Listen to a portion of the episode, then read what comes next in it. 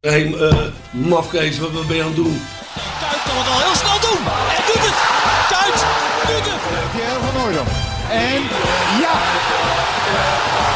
Het is Pierre van Hooydonkavond.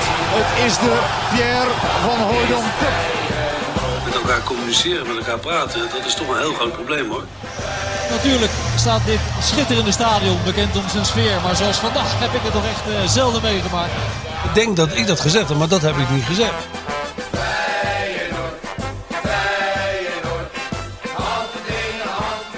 Aflevering 32 van de meest innovatieve voetbalpodcast van Nederland. De Dik voor elkaar Feyenoord voetbalshow. Met vandaag, ja ja.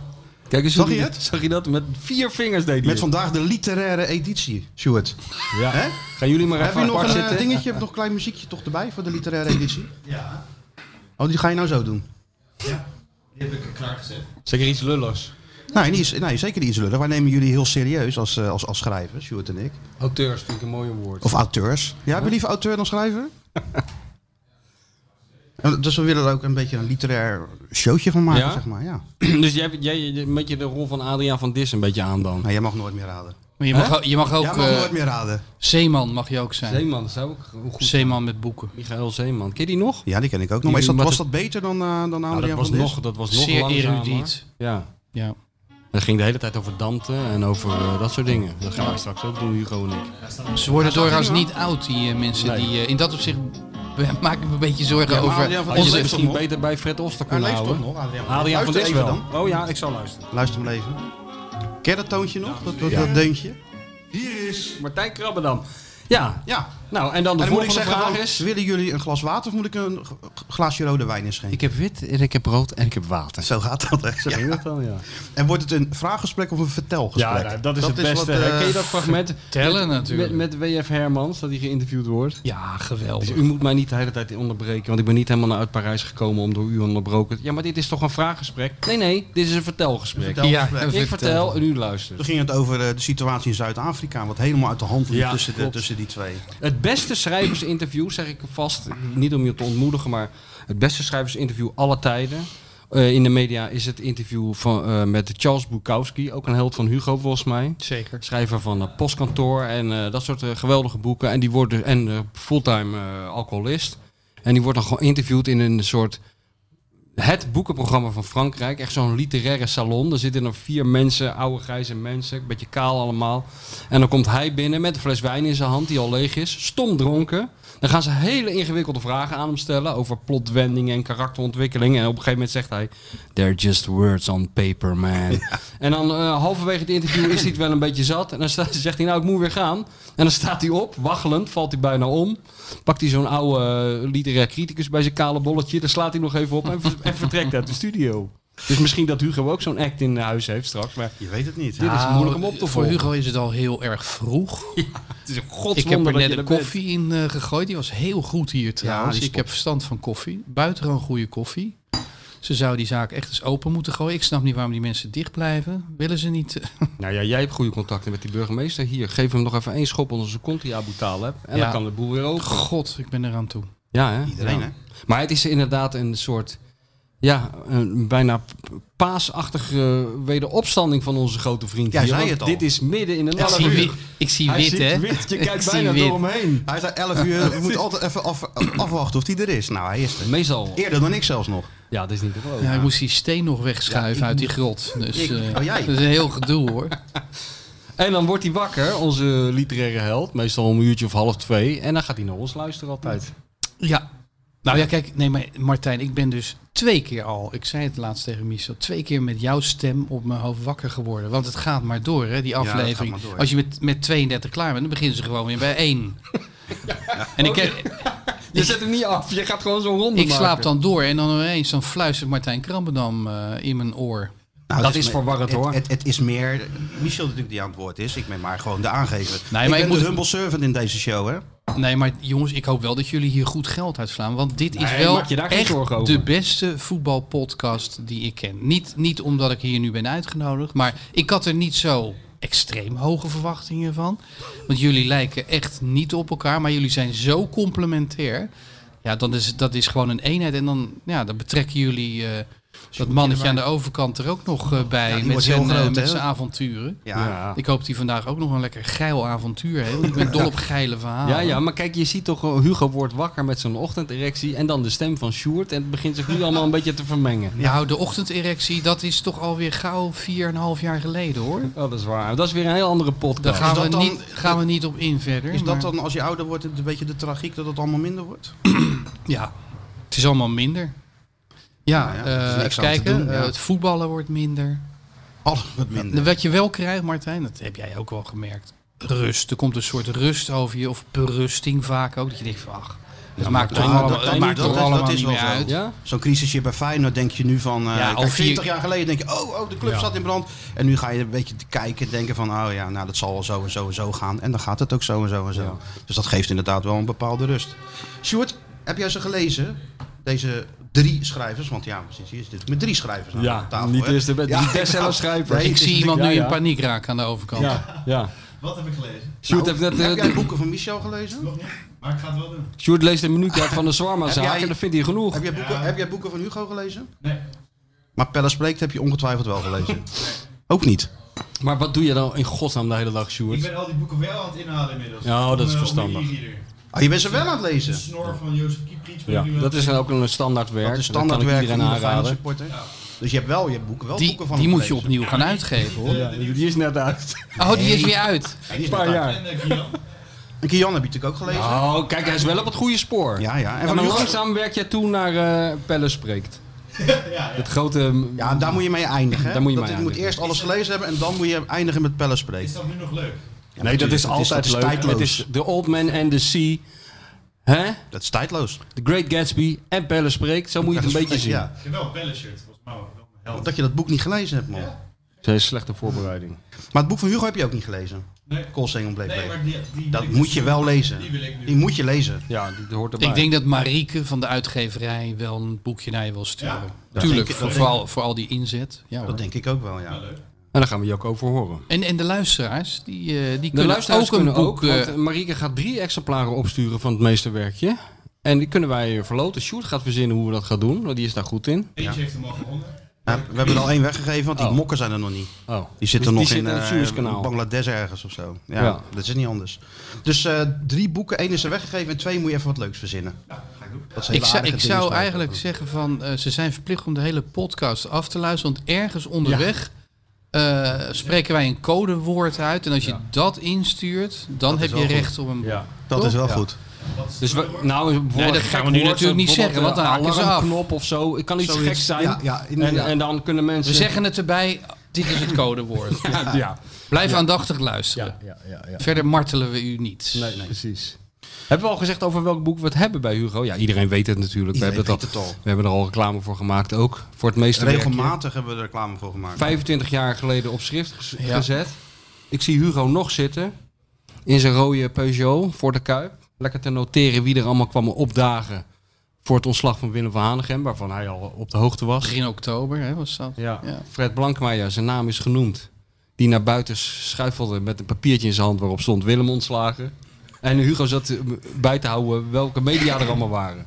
En iedereen was er natuurlijk. Ja. ja, uiteindelijk Dat wel. was een soort Hans de Bruin-achtige methode Ja. die je had. Zo langs die auto's en, eh, en alles eh, vol. Nou ja, het is natuurlijk wel leuk om het, eh, het spel dat zich eh, afspeelt na zo'n ontslag. En Willem had natuurlijk al gezegd aan de telefoon s'avonds laat van eh, ik ga ermee kappen. En ik wist dat hij een, eh, een eh, bespreking had eh, met eh, Van de Herik 's ochtends. Maar nou even kijken wat er gebeurt. En eh, hoe dat wordt opgepakt. En wie, in welke volgorde ze aankomen. Ja, het, het staat er allemaal in. Ja, ja, en Michel inderdaad, die, die liep voorbij. Ik was het eerlijk gezegd vergeten. Maar toen je het zei, toen herinner ik me weer. En jij kwam toen gezellig even bij me zitten. Ja, en ik wist eigenlijk niet, helemaal niet waar jij mee bezig was. Wij kenden elkaar van de Feyenoordkrant. Wist jij niet van het boek? Nou, ik, ik wist wel van het boek, maar... eh, oh, daar staat hij weer hoor. Ja, nee, dat, kijk, Kijk, dit is ook een dat heb momentje. je dus ook. dit. Daar hadden we je Oh, dit is waarschuwen. Dit is het moment Dit is- dat die... Dat je, je bent even in geanimeerd gesprek en dan gaat hij je op een zo lullig mogelijke... had niet eens door. Nee, maar nu Nee, heb ik het wel door. En jij zit goed, maar dan gaat hij dadelijk daar staan hij en dan staan. pakt hij dat achterover van Dus hij mee. hoort dat, hij jij altijd. zegt van jezelf, ik zie een beetje bleek. En dan, dan gaat er een lampje branden. Dan denkt hij, hé, hey, nou is hij op zijn Nu moet ik zwakste... hem nemen. Nu moet ik, nu moet ik hem Nou schieten. moet ik toeslaan. Dus jij pakt over de kale kruin van Van Ja, Egmond, pak jij daar die bleekscheet eh, van, een, van een borst. Ja. Ja, Fijn hoor. ja, om het nog erger te maken. Ja, doe Ja. maar, eh, kleur maar, maar, wat nee, in. maar weet je wat het was met dat boek? En dat vroeg ik me ook af. eh, ik wist natuurlijk wel dat je met een boek bezig was. Maar ik geloof niet dat ik ooit zo'n boek had gelezen als wat jij uiteindelijk afleverde. Zo'n boek, eh, ja, zoals je het schreef, zowel als insider als als outsider ge- gemaakt. Mm. In scènes en zo. Maar had jij eigenlijk zelf een voorbeeld van Een hoe, Je, idee. hoe je zoiets ging aanpakken? Nou, niet vast omlijnd. Want ik, had, ik, ik was niet iemand die nou bekend was met Engelse en Amerikaanse klassiekers. Ik las natuurlijk wel Nederlandse literatuur. Eh, maar op het gebied van, van, van sport had ik me daar nou niet echt een voorstelling van gemaakt. Er was ook niet zoveel. Ja, ik had De Renner gelezen. En eh, wat ja. zal ik nog meer gelezen hebben in die tijd? Wat is er voor 95 uitgekomen? Ik had Hornby wel gelezen natuurlijk. Ja. Nick Hornby. Ehm, nee, ik, ik, ehm, ik had voor mezelf uitgemaakt. Ik kies een paar hoofdpersonen. Nou, van de Herik, Ja. eh, Van Hanegem, Trustful. En ik had natuurlijk mijn grote compaan Leo, Leo Verhul, eh, aan mijn zijde. Die heeft mij ontzettend goed geholpen dat jaar. Ja, want we moeten er ook nog even bij zeggen, toen ik jou in die rode Pe- Peugeot zag zitten, toen had je dus, zonder dat ik het wist, een hartslagmeter onder je kleding. Ja. Want het was jou allemaal een beetje te veel geworden. Al vrij snel werd het te veel. Dat had ook te maken met het feit dat ik een dagelijkse column voor het AD had. En ik was ook nog die twee nieuwe koeien. Ik was voor mezelf eh, begonnen. Vond ik ook best wel eng. Ik was natuurlijk eh, ja, de voorganger van Martijn Ja, hè, ja, ongeveer. ja. Ik ben gestopt. Ik, ik hoorde, eh, ik weet niet, dat Wekking 30 jaar in dienst Ja, was. Wekking is 30 We- jaar in dienst. Wekking was eh, mijn opvolger. Ja. Kan nagaan. 30 jaar jaar geleden. Dat, ja. Dus, ja, eh, jij bent het gekhuis ontsnapt. Martijn zit er nog middenin. Die kan de uitgang maar niet vinden. maar ik wist zeker, Nee. hè, toen ik, veel eh, over de koekoesnest. toen ik in 1985 mijn aanstelling kreeg, toen wist ik zeker, nou hier, dit wordt mijn, eh, tot en met mijn pensioen. Hè. Ja, ik ja. had het zo naar mijn zin. Ik vond het zo leuk om daar Vond je te het gelijk werken. vanaf het begin leuk? Ja, ik vond het wel eng, want ik ben best wel verlegen en eh, een tikje faalangstig. Maar ik dacht op zeker moment wel dat ik mijn draai ging vinden. Het heeft er wel even omgehangen omdat ik ontzettend langzaam was. Ja. Heel traag met schrijven. Ja, ze moesten jou ook wakker bellen en zo, hè? En dat soort dingen, Ja, toch? dat- en, en kijk, de tekst ophalen bij je. Dat euvel wat, wat ik nu heb laat opstaan. Ik moest dan de wekker zetten om, om, ah, om zeven uur, om om half negen op de burelen in eh Capelle aan de IJssel was het toen nog. Eerst Gouda, toen Capelle Zo aan de vroeg, IJssel. joh? Ja, nee, maandag. nee, maar alleen op maandag. Ja, maar bij- bij ons was half twee maandag. Maar dat zal te maken hebben met... Dat vindt Hugo je- ook vroeg half twee. Dat maakt niks uit. Dan moet hij ook Nee. de wekker zetten.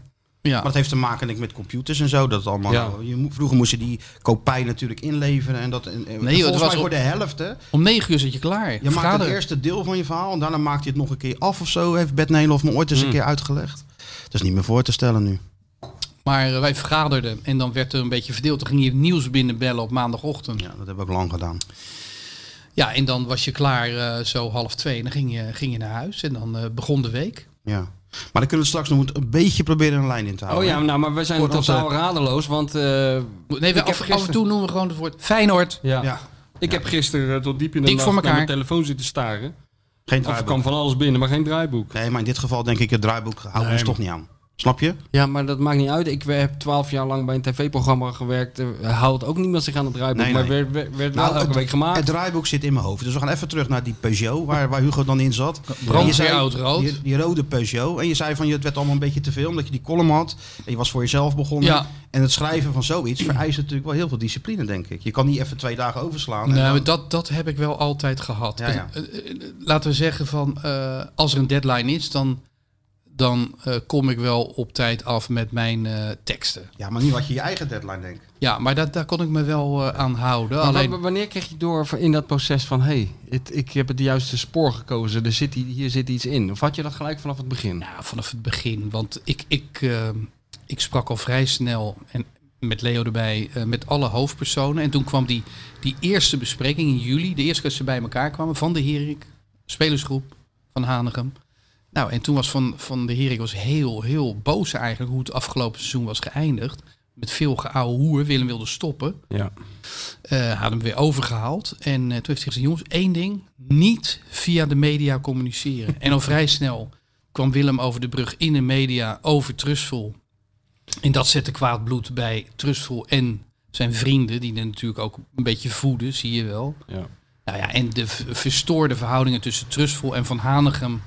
Ja, dat etterde maar door van de eerste tot de laatste minuut. En dat heeft Willem ook uiteindelijk een flinke zet wel gegeven. Tot die wedstrijd tegen PSV 3-0 verloren. Ja. Toen lieten ze het expres lopen, de spelers. Maar wist je niet vooraf dat het zo zou gaan lopen? Want het was natuurlijk het jaar daarvoor natuurlijk al hommeles. Zat er wel, zat er wel een beetje Ik in. weet nog, met uh, Liebrechts was toen volgens mij even een soort technisch directeur. Dat ging al niet met Van Hanegem. En ja, het broeide en het broeide. En toen kwam jij natuurlijk met dat, eh, met dat boek. Het enige nieuwe was volgens mij dat Koeman kwam. Toen Nou, dat, was wel even wat, hè. Ja, dat was wel even De wat. hoop was hoog weer, hè. Als van ouds Ja. stonden ook veel mensen te kijken bij de trainingen. Ja, Ronald Koeman, die was natuurlijk... Kijk, als je nu aan Ronald Koeman denkt, denk je aan een, een stevige man. Die was toen echt 30 kilo lichter. Ja. Ik ook trouwens. Maar ehm, die kon echt nog wel wat toevoegen aan, aan dit Feyenoord. Dus er was wel stille hoop van dat Ajax 95, Champions League... Nou, waarom zouden we niet kunnen wedijveren met ze? Die hoop die was bij de supporters als vanouds. Supercup speelden ze heel goed toen, hè? Tegen Ja. Ajax. Ja. Ja, Hij gaf ze heel veel elan, hè? Feyenoord met Koeman erbij. Ja, Ja. Een beetje hetzelfde wat je had toen Gullit eh, kwam. Ja. kreeg opeens een, eh, een smoelwerk en zo. Eh, Het was, ook, was op een gegeven moment ook weer weg. Maar dat weet ik nog wel, ja, die hoop die daar toen was. Nou ja, en, en ehm, toen het al vrij snel fout was gegaan, toen voelde je wel aan je, aan je klomp aan, dit wordt een spannend seizoen. Hè? Eh, ofwel op het veld, omdat ze Ajax kunnen bijhouden, ofwel het, het gelazer, het gedonder, het geëtter, dat gaat, eh, gaat verder. En zo is het ook gegaan, want twee maanden eigenlijk later, tweeënhalve maand, en Willem was weg. Ja, en, da- en daarmee was het ook volgens mij een boek wat bij heel veel mensen de schellen van de ogen heeft eh, doen gaan. Omdat jij beetje wars was van al die heldenverering die je voor die tijd in 9 van de 10 sportbo- voetbalboeken zag. Hè? Het geromantiseerde beeld, daar, daar, daar kon je niet zoveel. Maar jij liet zien hoe het echt was. Het gekonkel, de Ja. onzekerheid, de onderlinge En ik kon natuurlijk lekker dichtbij komen. Hè? Ja. En, en kijk, Willem was natuurlijk goud. Daar kon je, als je goed met hem was, kon je daar gewoon de trainerskamer binnenlopen. Ja. Dat was ook voor toen echt uniek. Ja, er waren er eigenlijk maar jij, Hans van Vliet zat er wel eens. Ja. En zo nog een eh, twee, drie, Marcel van der Kraan misschien. En dan had je het wel gehad. Ja, Maar het is een heel typerend beeld in het boek. Want ik, je bent nu eh, deze week met je media-offensief bezig. En terecht. En dus ik heb dat allemaal geluisterd.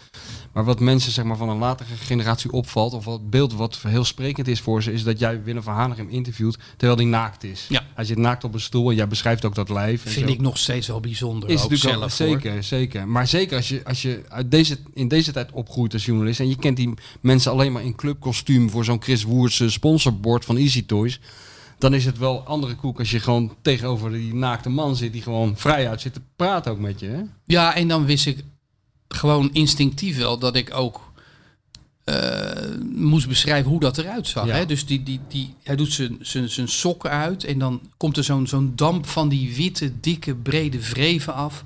Hij heeft jubeltenen, zoals Ja, wij allemaal. Die tenen heb je beschreven. Ja. Die, de, de vreef, alles eigenlijk. Ja, en als hij zich dan heel langzaam uitkleedt en voortdurend op zijn gemak vertelt over wat er gaande is met deze spelersgroep. Ja. En dat hij eigenlijk heel somber is. En dan die handeling van, die kennen we ook niet meer, een sigaret opsteken. Ook zo mooi. Daarom kijk ik graag naar eh, dat soort Netflix-series als eh, Mad Men en zo. Er wordt gerookt, jongen, in de jaren 60, 70. Heerlijk is dat. Ja, we hebben ook een, een foto eh, in het archief zitten, zitten bij Feyenoord, foto van John de Pater, die ook heel erg voor mij die sfeer van toen typeert. Dat is dat oude, eh, dat is nog in dat oude stadion eigenlijk. Het begin van, ook wel van de ellende, dat, dat keukentje van die eh, Henk Bos, die, Ja. altijd die, eh, zijn hele leven lang tomatensoep voor die spelers maakte. En dan Jorien van der Herik met een, met een Barclay sigaret in zijn hand en Van Hanegem met een sigaret. Ook met een Barclay, hè? Ook met een Barclay om, om half elf 's ochtends. Om Ja. eventjes alle ellende door te nemen en zo. En zo werd het wel een beetje eh, eh, bepaald, hè, de strategie van de club. Dat heb ik, ik, heb, ik mocht het voorwoordje schrijven in Hugo's eh, boek. En Ja, ja. ik heb ook wel ge- eh, geschreven eh, dat voor de buitenwacht, zeg maar, voor de buitenstaanders is Feyenoord een soort... eh, ja, een beetje hetzelfde als de stad. Hè? Een harde club, met een hele grote, harde volksclub. eh, heel rauw en zo. Maar in werkelijkheid is het een, zo gevoelig als een politieke partij. En wordt het vormgegeven door een paar mensen. Is ook zo. Nee, op de maar achtergrond. veel te veel emoties. Ja, alleen maar emoties. En, en dat zie je toch eigenlijk nog wel, Martijn. Nog bedoel, steeds, tuurlijk, ja. eh, eh, Dickie is natuurlijk ook één vat eh, eh, emotie. ja. Hè? Ja, dat klopt. Ja, het is, wat dat betreft is er heel weinig veranderd in die eh, 25 jaar. En maar daar moet ik ook altijd zo lachen als mensen zeggen, de- Chris Woers-achtige onder ons, die zeggen altijd, ja, van emotie kan je niet leven. Dat is altijd de dooddoener. Ja. Nee, Feyenoord is, emotie is het enige wat Feyenoord heeft. Als je namelijk niet, zonder emoties naar Feyenoord kijkt, als je er gewoon zakelijk naar kijkt, is er geen enkele reden om supporter van Feyenoord te zijn. Nee. Je verliest altijd, de beste spelers spelen in een andere stad. In stadion word je zeiknat. En ineens in de tien jaar word je Eén dan keer word je kampioen, en dan is een en- explosie, ja, Ja. die hoor je tot, tot, tot aan Den Haag, Amsterdam en Eindhoven. ja, maar dat is de mooie emotie. en zo. Maar het is een en al emotie, het is alles wat je hebt eigenlijk. Ja, Ik bedoel, dus dat, in feite... mensen, dat die mensen nu dat geld voor die, voor die seizoenkaart niet opeisen omdat ze een mooi shirt hebben gekregen. Dat is Ja, dat- allemaal dat is- emoties. Ze ja, hebben op de is juiste emotie. emotie, ingespeeld. vind ik echt De juiste zo'n kleur. strategisch De juiste vieze kleur. zet dit. Ja, Ja, maar het is ook wel weer slim hoor. ja is super slim. exclusief shirt en daar houden Feyenoord Uit supporters de koker van triple-double. shirt. Nee, ik mij. vind het heel hoopgevend. Dat, dat blijkt uit toch, wat, waar ik een beetje aan twijfelde, dat ze toch hun supporters wel iets beter kennen dan ik dacht. Weet je wel, ze hebben wel gesnapt dat dat shirt goed moet zijn en dat dat exclusieve en... En dat alleen als je, als, je, als je geen restitutie wil, dan Ja. krijg je het. Dus en, het staat en gigantisch voor ze gaan er ook nog in spelen. hebt. Ja, precies. Want dan ziet iedereen van, hey, heb jij dat shirt niet? Heb je zeker je geld teruggevraagd? Ja. Ja, ik vind het zo grappig dat er op hoog niveau wordt gediscussieerd in allerlei appgroepjes van Feyenoord. Van moeten we het nou wel of niet doen? Hè? Ik bedoel, is dit moreel wel te verkopen? Ze kopen dan zo'n prutser. Pratto, sorry Martijn. Ja, ja, nou ja. Hè? Hij heeft hem nog Ik niet opgegeven. nog niet Oké, oké. Nou, ja, wie weet. En eh, ja, ze kopen wel zo'n prutser of huren ze. En dat kost dan 5 tot 8 ton, weet ik veel. Ja, ja. Hé, hey, we zitten op de meent. Hoor je dat? Ja, dan komt Memphis Depay weer langs. Komt in zijn Rolls Royce. Goeiedag. Ja, en dan eh, vragen ze ons om restitutie. Ha- Geef dat geld een beetje goed uit. En, en iedereen heeft daar dan ook eh, zijn, zijn motivatie voor. De ene is gewoon blind voor Feyenoord, wat ze ook doen. En de ander zegt van nee, dit is mij echt een brug te ver. Ja. Alsof het over eh, eh, ethische kwesties gaat. Ja, ja. ja maar, en, en, maar als je dan ziet hoe makkelijk het hersteld wordt. Shirt in de goede kleur. En Ja. huppakee, Ja, ja. Een goede verhaaltje erbij. Dat is ook wel weer En mooi. uiteindelijk gaan ze toch overstag. Ja. Want dit is dus de club heeft het nodig, dus, dus dan doen ze het. De Maar meeste. hey, wel dom gedaan, Martijn. Ik, bedoel, ik heb bij Sparta met twee, nee, bij Sparta heb ik twee kaarten, eh, als altijd. Ja, ja. En heb ik vooraf ingevuld van, ik zie al af van, dat vroegen ze. Ja, ja. ga, je, ga je old way, zeg je nu al van, ik zie er vanaf als ze niet gevoetbald worden. Dat hebben ze bij Feyenoord dan kennelijk niet Dat gedaan hebben ze vooraf. zeker niet gedaan. Nee, maar ze hebben zich laten leiden door de dat KNVB. Wat? Ja, nee, ga door. Ja, ze hebben zich laten leiden door de KNVB. En, en die zei, je kan best je begroting maken op, op eh, voetbal met publiek na de winter. Dus dat hebben ze ook gewoon gedaan. Daar waren ze natuurlijk blij mee, want dan konden ze dat gewoon doen. En eigenlijk was het het vooruitschuiven van het probleem dat dat toch wel zou komen. Ja, ja het is... Het is voor Feyenoord gewoon lastig, want het is geen Ajax dat even 25 miljoen aftikt. Van nee hoor, jullie krijgen allemaal je geld terug, no worries. PSV heeft het op een andere manier gedaan. Ja, en Feyenoord had dat geld gewoon nodig. Ja. Dus eigenlijk weer een beetje op de pof geleefd. Zoals, eh, zoals Wat is, wat is de laatste stand van zaken qua, qua geld? Want ik hoor verschillende verhalen. Ik ben niet zo extreem goed ingevoerd, moet ik zeggen. Maar aan de ene kant hoor ik van, nou, er kon wel eens een eh, investeerder aankomen. En ik las dan weer op de site van, eh, van Jan de Zwart eh, een stukje van een leefbaar lid. Die zei van, nou, iemand heeft afgezegd en steekt er geen, wat was het, 70 miljoen? in? 75 miljoen. Dat wordt morgen besproken, geloof ik, hè? in de gemeenteraad. Oh, don- donderdag, ja. gemeenteraad. Ja, ja. Maar eh, ja, wat, wat Nou ja, gaat er ik nou weet dat die van Bodegom is. Ze zijn echt. Ik ik weet ook niet waarom, maar ze zetten volop in op, eh, op Amerikanen. Die van Bodegom is er geweest. En de bedoeling was dat ze van, eh, van het voorjaar weer zouden gaan naar Amerika. Om een investeerder te vinden van 130 miljoen. Ja, ze zetten erop in. En ze, zijn natuurlijk hier al geweest, Amerikanen van de zomer. Hebben ze in. eh, Fitzgerald of zo hebben ze gegeten met een paar van die, eh, van die commissarissen. Maar het, lukt steeds maar niet. En ik vraag me ook eerlijk af, als je dan 130 miljoen in Feyenoord eh, steekt, wat krijg je ervoor terug? Dus ik denk eerst dat die eh, ehm, reorganisatie van de opleiding en een nieuwe structuur, dat die eerst ingevuld moet worden. En dat er dan een investeerder zal instappen. En misschien is die investeerder ook wel gelieerd aan dat Sportsology, weet je wel, van, de, Ja. van, die Mike Ford. Ja, Dus die gaat eerst de structuur invullen en dan heeft hij misschien nog wel een contactje dat zegt, nou het is nou zo voor elkaar qua organisatie, Ja. je kan er nou wel wat geld in douwen. ja, ja. ja. Dus, maar voorlopig is er nog niks. En voorlopig moet... Ja. eh, Maar ja, ze hebben een hele, hele interessante trainer. Ja, misschien kunnen ze Bozeniek voor 30 miljoen verkopen aan iemand. Heb je gekeken? Ja, hoe, hoe was die? Ik heb, ik heb niet de hele wedstrijd gezien. want Als ik langs de lijn doe, dan kan ik niet geconcentreerd kijken naar een, een wedstrijd. Het is, eh, ja, kijk, Dick Advocaat is niet, niet helemaal achterlijk natuurlijk. Dus je ziet Bozenik ook wel trainen. En het is een spits waar je niet lekker mee verder kan voetballen. Maar wel eentje die een beetje in de 16 Weet waar de goal staat. Opportunistisch. Een beetje Inzaki-achtig type. Ja. Zonder ritme, omdat hij natuurlijk niet heel veel heeft, eh, heeft gespeeld. Maar het is geen, geen spits waarmee je lekker voetbalt. En dat, Ja, dat zag je wel weer tegen dat, eh, tegen dat Fortuna. Ik vond het wel opvallend dat de kenners, waar ik mezelf niet onder schaar, maar de Mario Beens en die, die waren wel heel duidelijk in de oordeel. Ja, mist het niveau, dus niks voor Feyenoord. Dat heb ik van bijna iedereen Nee, maar. Mario zat eerst, hard eerst zei Mario dat hij moest spelen. Ja, Nou, eh, speelde Ja, maar hij. goed, nou was het niks. Ja. En dat zegt advocaat natuurlijk al maanden. Gewoon niet goed genoeg. nee. Keihard, maar dat is wel zoals het gaat Ja, is ja. binnen, binnen zo'n club. Nou ja, kijk, zo'n jongen als die eh, niet kan voetballen, als ik dat dan begrijp. En je maakt ook geen doelpunten, dan houdt het ook toch op. Ja. Ja, maar het is wel Je investering. hebt ook van die jongens die er dan nog 15 maken per seizoen. Die Ja. er niks van kunnen en die schieten er dan 15 in. Kijk, hij scoorde natuurlijk En hij vorig werkt jaar hard. wel. Hij werkt keihard en hij scoorde vorig jaar natuurlijk wel een paar keer. Nou, dit jaar heeft hij het niet kunnen laten zien door blessures. En Dick ziet het gewoon niet in hem zitten, dus de, zijn kans komt Maar uit. wat Wat een- een beetje wat wat een- spanning ook, dat mannetje. Hè? Ja, misschien ja. Maar ik geloof niet dat, dat, dat slot hem aanraakt en dat het ineens... eh, Nee? hè? Nee, dat denk ik Dat niet. Denk jij wel? Als dat stokje en dan... eh, hebben, die stok. Dat alles wat hij aanraakt... Nou, maar dat- Hugo zegt het nou ook. En we hebben het natuurlijk vaak gezegd. En dan worden we een beetje onverketterd, Michel en ik. Maar Slot, 40 wedstrijden trainer van, eh, van AZ geweest. En er wordt nou net gedaan. Hij komt naar Rotterdam. En hij verandert Feyenoord met een Het is eh, altijd toverstokje in een, in een voetbalmachine. Maar zo werkt het natuurlijk gewoon niet. Ja, gek hè, maar ja, dat is misschien na, naïef eh, tot en met. Maar ik heb bij hem het idee dat het wel eens van het niveau Peter Bos, eh, Louis Vergaal mag ik eigenlijk niet noemen, maar dat er een man met visie, een man met veel vreugde, een man die er ontzettend veel werk in stopt. Ja, en dat heb je nodig. Eh, ontzettend veel tijd investeren in je spelers. Eh, die spelers duidelijk maken hoe je wilt voetballen.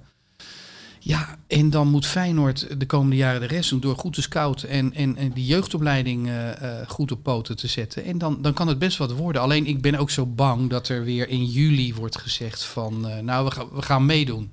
Dat moet slot, daar moet slot niet aan meedoen. Slot moet Ja, maar echt dat is zeggen, onvermijdelijk. Meedoen om Europees Nee, voetbal. jongens. Dat was, Nee, maar dat gaat niet. zeg dat nou toch Ja, maar gewoon. dat gaat toch niet? Zeg het nou gewoon een jaar lang van, we worden zesde of negende. nee, dat kan niet. Dat gaat gewoon Waarom niet? Ja, maar Nou- dat zou ook het beste zijn. Je hebt helemaal gelijk. Eén Ja. stap ze terug. Moeten uit die helikopter moeten ze nou eens niet een paar van die B-acteurs laten, laten komen op zijn open dag. Maar inderdaad, slot die microfoon pakt en zegt: jongens, één ding. De komende twee jaar rekenen nou nergens op. Ik ga allemaal leuke jongetjes van Varkenoord opstellen. Daar gaan we heel veel plezier aan beleven. We gaan ook verliezen. Maar Wat is weet- daarop tegen? Ja, maar je weet toch dat na vijf wedstrijden breekt toch gigantisch de pleuris uit. Nee, want hij heeft gezegd het wordt Ja, niks. maar dat, dat zijn die mensen na vijf wedstrijden toch helemaal vergeten. En dan staat Feyenoord 13 en Hallo, heette die allemaal Rutte dan? Nee maar, nee, maar je weet toch wat er gebeurt dan? Die tijd krijg je gewoon niet. Er komt iets op gang in de media en op de tribunes...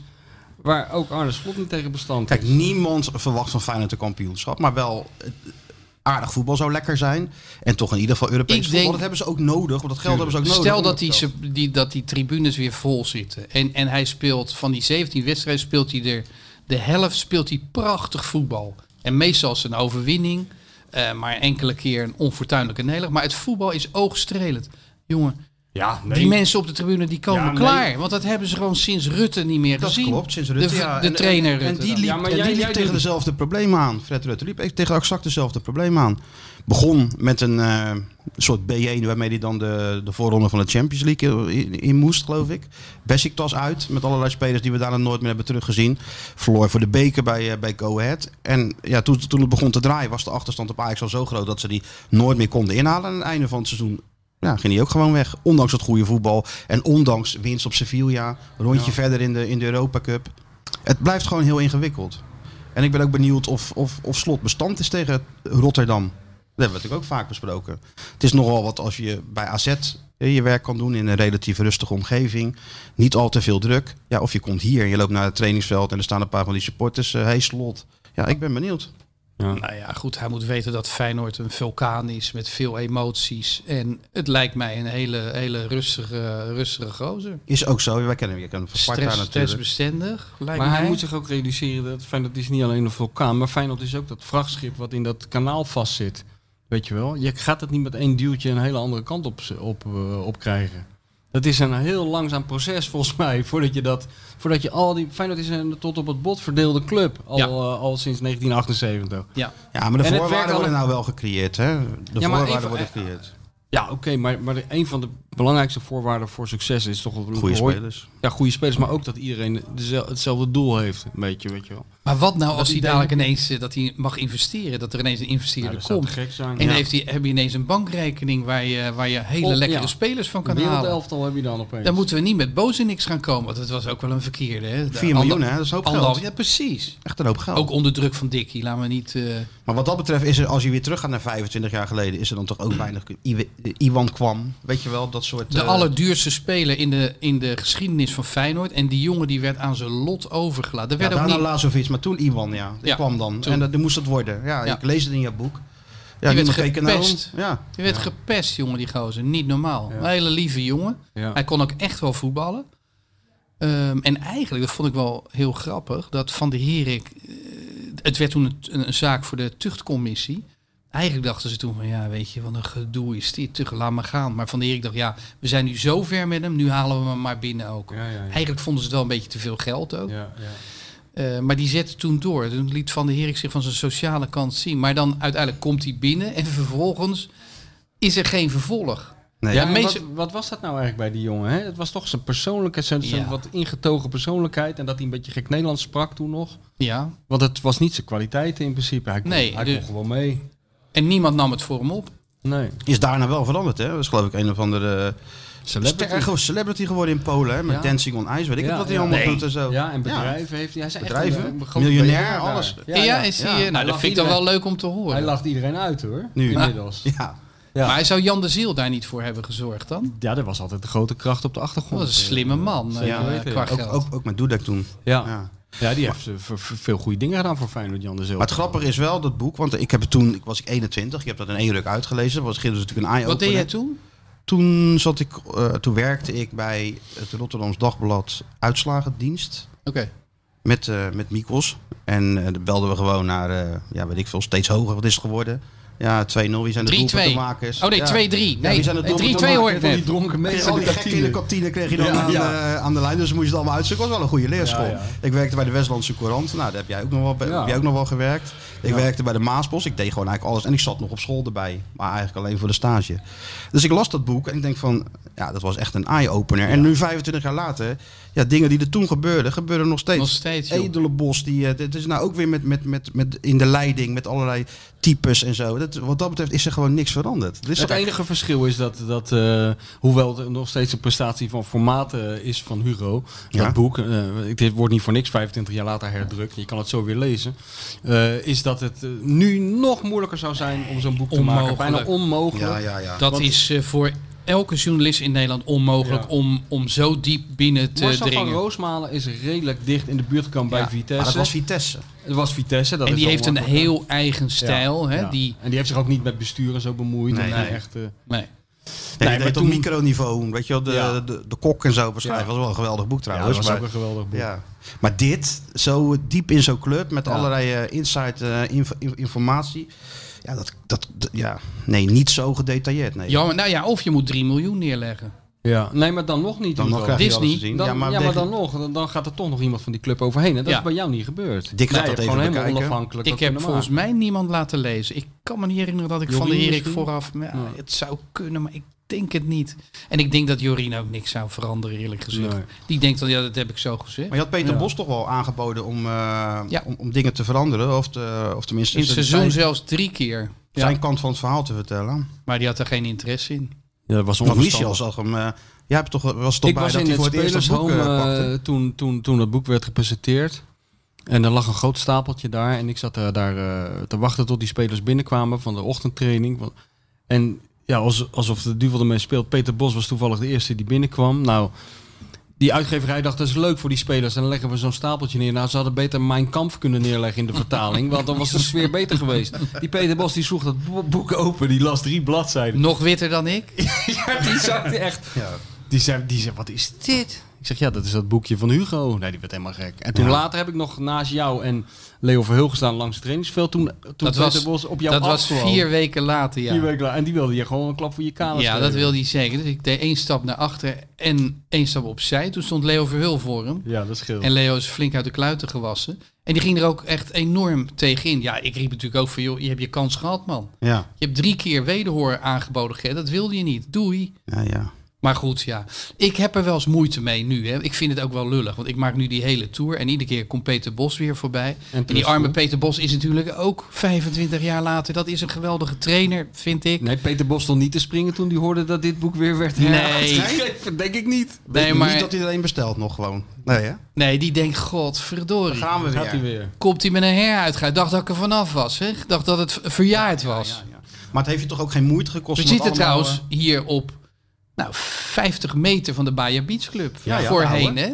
Ja, daar stonden al die rode... Daar- hier rode stonden al en die gele- Calibra's voor de Calibraatjes deur. voor de deur, ja. Oh. Ja, want die pleuren ze gewoon ook neer, hè? In de stad. waren echt de, de koningen van de Ja, stad maar die gasten die hadden toen vroeger natuurlijk een heel netwerk van, van mensen die ze uit de wind hielden. Er is wel eens een speler, wiens naam we niet zullen noemen, die heeft wel eens een gele kalibraatje midden in de nacht per ongeluk tegen de tram aangeparkeerd, terwijl de tram nog reed. Ik weet het. Ja. En dan kwam de trambestuurder eruit en die, zei, eh, die herkende hem. En er waren een paar telefoontjes en dan kwam er een taxichauffeur. Die zei, ik rij je auto wel naar, eh, naar huis. En die andere taxichauffeur die bracht hem naar een slaapadres. En dat werd, zo werd het in de stad geregeld. Ja. Maar Arie Haan, maar volgens mij staat dat ook in jouw boek, Ja, denk ja. ik, dat hij verklikkers had in de stad. Ja, die gaf gewoon en eh, uitsmijters. Ja, dat was 25 wel grappig, gulden aan. Arie Haan kwam, hè? Die Ja. kwam, die kwam van, en, dat meteen veranderde alles. Hè? Dat lees je ook in het boek terug. Ja. Perscommuniqué, want nou werd op vrijdag alles anders. En de persconferenties, et cetera. En hij doen. ging volgens mij toch in dat Atlanta Hotel zitten. Hier Ja. zo'n stukje verderop. Ja. En die maakte wandelingetjes door de stad. Die sprak eens een portier aan, drukte zijn geeltje in zijn handen. Hij wist alles wat er in de stad Terwijl gebeurde. zelf, ik kan me nou, jij zegt Atlanta Hotel. Ik was, Ja. ik was in het Atlanta Hotel op de dag van zijn, dat hij ging tekenen. Toen hebben jullie nog een klein cognacje genomen, Toen toch? Op oh, het, dat heb op ik het grote verteld, succes, ja? Toen dacht ik van, dat dat was een gezellige trainer. Want we- ik was met Jan Zwart was erbij, en Hans Hagelstein en, en, en, en Haan en ik. En nou, het was gewoon even kennis maken of zo. En eh, koffie. En toen zei Haan, zullen we niet eh, een klein cognacje erbij? Nou, hadden iedereen wel zin in. Dacht, het wordt een gezellig seizoen. Ja. Weet je wel? Gezellig, Arie. Maar het werd helemaal niet gezellig. Maar op zich, die Arie Haan is wel een levensgenieter natuurlijk. Ah, en trouwens, Van de Heer, ik werd helemaal gek. Hè? Hij had zijn blote voeten in, in zijn, eh, in zijn Ja, dat schoenen. kon hij niet Dat tegen. dat vond hij verschrikkelijk, vond Van de Heer. En wat ik ook opvallend vond, is dat Arian zelf een beetje had laten vallen dat hij beschikbaar was, hè?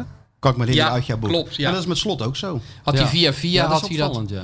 Slot heeft ook laten weten van, eh, via zijn zaakwaarnemer van... nou, ik ben eventueel beschikbaar voor, eh voor Nou, als dat zo is. Maar ja, die heeft geen blote voeten in zijn, eh, in zijn schoenen, Slot. Lijkt mij niet. Nee. Lijkt mij een keurige burgervader met eh, waarschijnlijk twee kinderen. Die ook heel veel eh, aandacht besteedt aan het huiswerk van zijn kinderen, weet Ja. ik zeker. Tuurlijk. Ma maait, het, maait het gras in de tuin en zo, dat soort dingen. Maar ja, Maar toen was het, was wel toen- iemand... ja, dat was wel een cultuurshock natuurlijk van Van Hanegem. Die altijd met zijn afgetrapte slippers eh, een beetje door die gangen stiefelde. En iedereen welkom was en iedereen sigaretten uitdeelde. En Arie die opeens zei van jullie mogen niet meer in het vliegtuig met ons mee. En jullie mogen niet meer in het hotel. En dat, toen begon het eigenlijk Ik vond het mooiste hoofdstuk, of een van de mooiste hoofdstukken, dat, en, en dat, eh dan ga je natuurlijk aan trainers denken. De manier hoe hij die pers voor zich probeerde te winnen. Weet je Ja, wel, zo van dingen uitleggen en eh, het gladde druipt er werkelijk van. Nee, hij, zat, hij zat, het was in Engeland, jij was daar ook bij Michel. Eh, Everton eh, Feyenoord. Dan ging hij vooraf met al die journalisten ging hij het uitleggen. En dan maakte hij aantekeningen op een blaadje. En ik Ja. dacht van, dat blaadje wil ik voor hard gras. Ja, tuurlijk. Al die looplijntjes, die, die wil ik wel hebben. Dus ik zat te vlassen. Wat doet hij ermee, weet je wel? maar hij zei er zo bij van...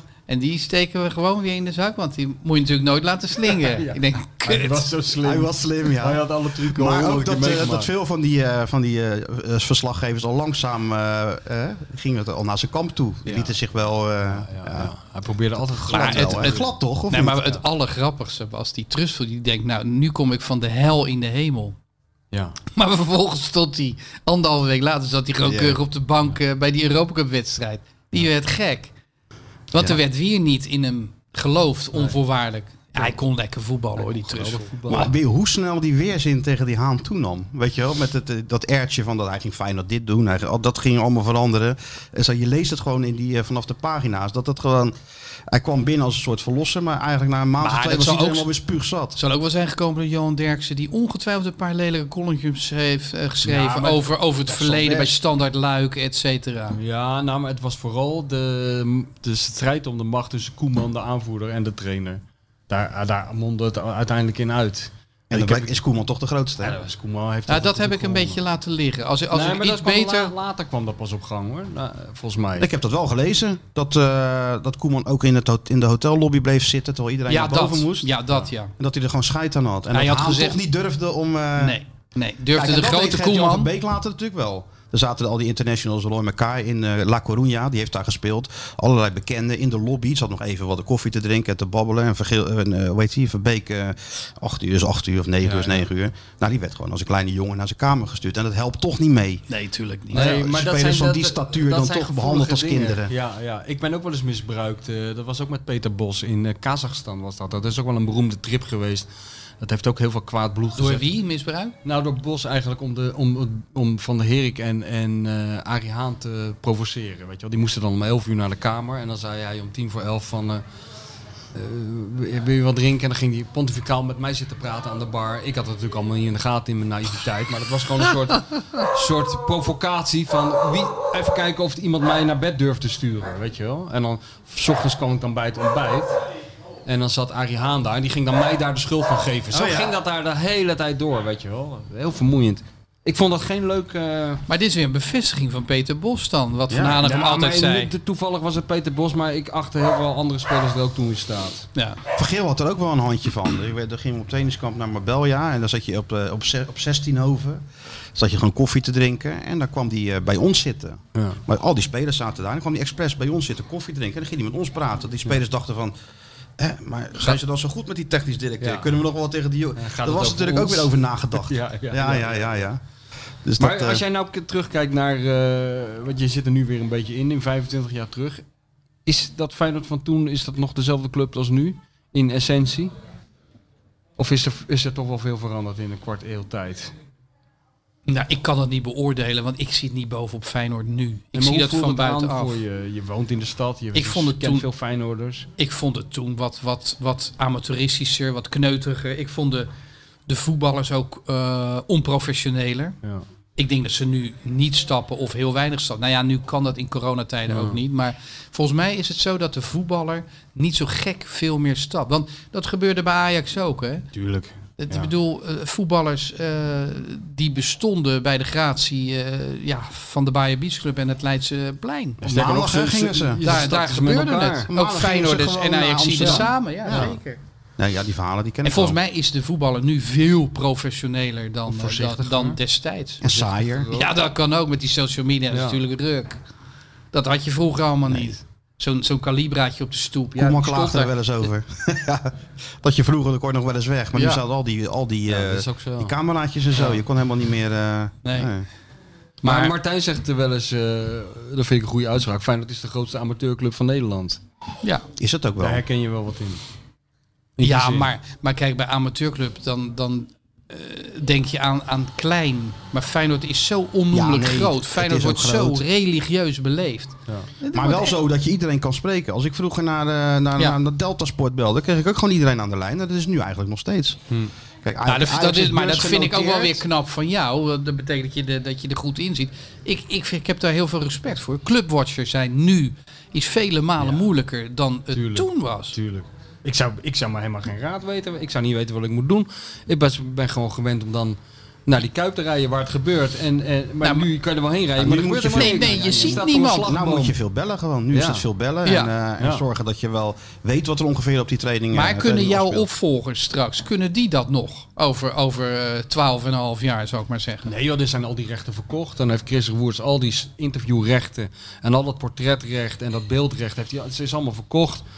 Net als in Engeland Ik denk dat je niet meer kunt praten met voetballers dan. Die doen alles via hun eigen social media of via de club. al, maar ik denk, dit zal, dit, dit zal altijd wel blijven bestaan. Maar het wordt wel lastig, want ik heb er heel veel contacten kunnen opdoen in die afgelopen jaren. Toen je natuurlijk wel overal bij moet Ja, zijn. natuurlijk. Jij profiteert van 25 jaar. eh, eh, Iets korter nog, maar wel bijna. Ja, Ja. dat klopt. Dat is zo. En dan Maar kan je altijd kan je wel je- op terugvallen. Jij houdt je informatie ook niet per... Je, jij bent niet beperkt tot het officiële circuit. De persvoorlichter, Nee. sterker nog, daar ga je omheen. Ga je liefst ga je eromheen. Je ja. kent de mensen in de stad en Nou, rond het en wat heel belangrijk is, gewoon lekker je eigen mening eh, vormen. En eh, daar, d- het is ook wel fijn, want het maakt je onafhankelijker. Als je niet schatplichtig bent aan iemand, dat je niet iemand hoeft te sparen, kun je alles zeggen en schrijven. Maar die tijd, toen jij dat boek uitkwam, had je natuurlijk geen social media. Nee. Dus wat jij hoorde, was op straat gewoon. Ja, Als nou zoiets gebeurt, ja, dan kun je net zo goed je Twitter en je Instagram eh, kun je gewoon uitzetten. Want dan krijg je natuurlijk van alles over je heen. En dan moet je tegen bestand zijn. Nou, weet je wat het ook is? Ja. Jij, jij hebt natuurlijk veel dingen onder de pet moeten houden een jaar lang. Dingen die je wist heb je Ja. moeten bewaren voor je... ik mocht natuurlijk, dat had ik van de Herik ook beloofd. Ja, ik had een dagelijks column in het AD. En het was eh not done om dingen die hij mij vertelde. Die waren echt voor het boek en Ja. niet voor die dagelijkse column. Ja, jij wist Edelenbos al heel, heel vroeg al. Ja. Eh, van Hanegem wist je. Dus je wist heel veel Ja. dingen die... eh dat is Nou, ook jaloersmakend. Het, is ook een Hey. geweldig hoe dat boek is opgebouwd. Eh, ik vind het ook geweldig hoe het begint. In mijn herinnering met een speech van Van der Herik. Ja, die ja. dan tegen die speler zegt één ding. Maar daar wordt hier niks meer gelekt. En het volgende moment gaat hij tegen Hugo alles vertellen. Ja, Dat vind ik zo ontzettend dus goed. Van Hanegem die maakte eh, die fout, om het een fout te noemen. Van de Herik maakte die fout.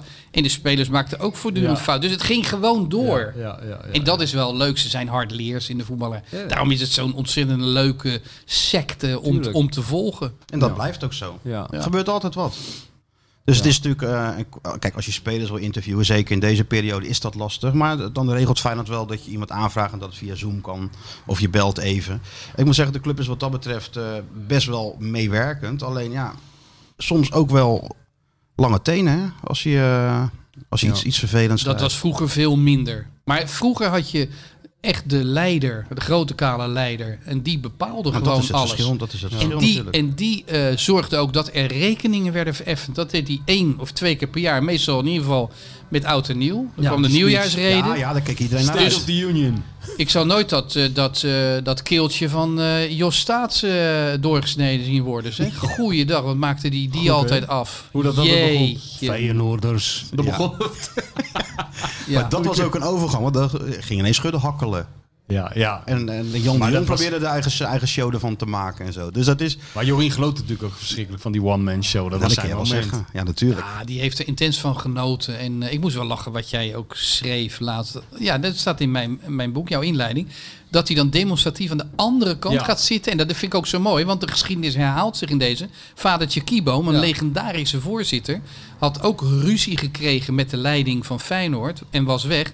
En ging daarna aan de andere kant van waar het alle clubbestuurders Ja, van ja. het eretras zitten. Ja. En dat doet Van de Herik nu nog wel eens. De geschiedenis herhaalt zich. Ja. Alleen dit weekend zag ik tot uh, onze allergrote vreugde de Don weer zitten. Die zat wel mooi uh, op de plek waar die hoort, namelijk Leo. op het ereterras. Ja, ja, ja, ik zag samen hem met ook zitten, van Weggestoken was lekker bovenin in een- Ja, die... nou eh, mooi toch? Ze zaten echt pal naast elkaar met mondkapjes Ja. op, hè, die twee. Die zijn niet bang om elkaar aan Ik te denk dat steken. ze een prik hebben gehad ja, Oh, prik- natuurlijk, die hebben een prik prik gehad. gehad. Ja, Ja, die is- die kunnen nou, weer, eh, dat zijn oude vrienden, die kunnen weer uh, met z'n tweeën op uh, Ja. gaan zitten. Hebben jullie eh, al? Nee, jullie zijn nog niet zo. Zijn nog niet zo Juni oud. of zo heb ik... Je kan op die site even kijken. En volgens mij krijg ik in juni een prik of zo. En jij? Eerder, denk ik. Ja, in mei volgens mij zag ik in de Volkskrant zo'n staartje staan. Ja, ik zie het wel. Nou, dan ben ik helemaal snel aan de beurt. Want ik, ik, ik was dus vorige, eh, twee weken geleden, daar was jij bij. Ja. Peter Ouwekerk, Ja. werd 75 jaar. Nestor van de Rotterdamse sportjournalistiek. Ja, En eh, die is 75 en die had nog niets gehoord. Nee. Terwijl Bert Wagendorp van de Volkskrant was ook op visite. En die kreeg zijn prikkie hè, die week.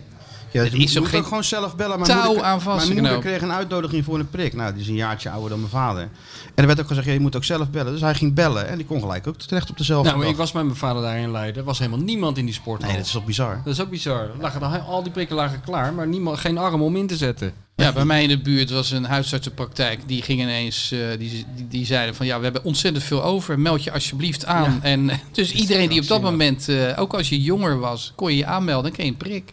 Waanzinnig gewoon. Ben jij benieuwd naar zijn boek? We hebben het nou een beetje over jouw boek. Maar hij gaat, komt ook weer wat met wat natuurlijk. Hè? Ja, tuurlijk. Nou, Je hebt wel eens gezegd, ik, ik, ik had gelezen van... eh, Johan, heeft ons, hey, Johan heeft ons alle drie Ja, beïnvloed. Hè? 100%. Misschien zelfs wel Opgevoed. mede opgeleid, opgevoed. Hij wat mij ook. zeker opgevoed, ja. Ja. Maar ik las ergens dat eh, jou de vraag werd gesteld, eh, ja, die boeken van Van Egmond met Kieft en Gijp en zo, of dat niet eh, te harde was. Dus ja, het is, het, is, te hard omdat het een aardige gozer is. nee, ja, Michel en ik die mogen elkaar ontzettend. En ja, ik denk dat dat. nou ja, hij heeft mij in ieder geval geïnspireerd. Hoe hij zijn boeken schrijft, dat opent mij de ogen. Maar ik denk bijvoorbeeld dat Michel ook wel eh, geïnspireerd is. Buiten alle. Hij, heeft heel, hij is een onwijze lezer in, eh, van Amerikaanse en Engelse vakliteratuur. Dat heb ik veel minder. Maar hij zal Marcel van Roosmalen ook eh, met veel interesse voor. We inspireren elkaar altijd. Dat had ik vroeger met Simon Cooper van Hard Gras. Toen ik die leerde kennen. De manier waarop hij over voetbal schreef. Dat was zo wezenlijk anders. Dat ik dacht, oh zo kan het ook. Ja, het geeft je een beetje zelfvertrouwen. Hè? Dus ik, na- daarna houden we erover op hoor. Over dat uh, slijmerige gedoe over elkaar. Maar Ja, nee, maar... Hugo eh, is wel... Als je dat ziet, dat iemand zo... Zoals de Koolsingel bleef leeg. Dat, dat geldt ook weer... voor- Van Roosmalen heeft dat zelfs gezegd, weet je wel. Die is ook door geïnspireerd wel. Dan zie je dus dat iemand ook het lef heeft om het helemaal anders te doen. En dat heb je, dat, tenminste laat ik voor mezelf spreken, dat heb ik altijd wel nodig gehad. Dat iemand zegt van, eh, doe het gewoon een keer op je eigen manier, weet je wel. Hoe jij... eh, in plaats van geboren in plaats van en zo. ja, eh, volgens de regeltjes zoals Ja, dat ja. het moet.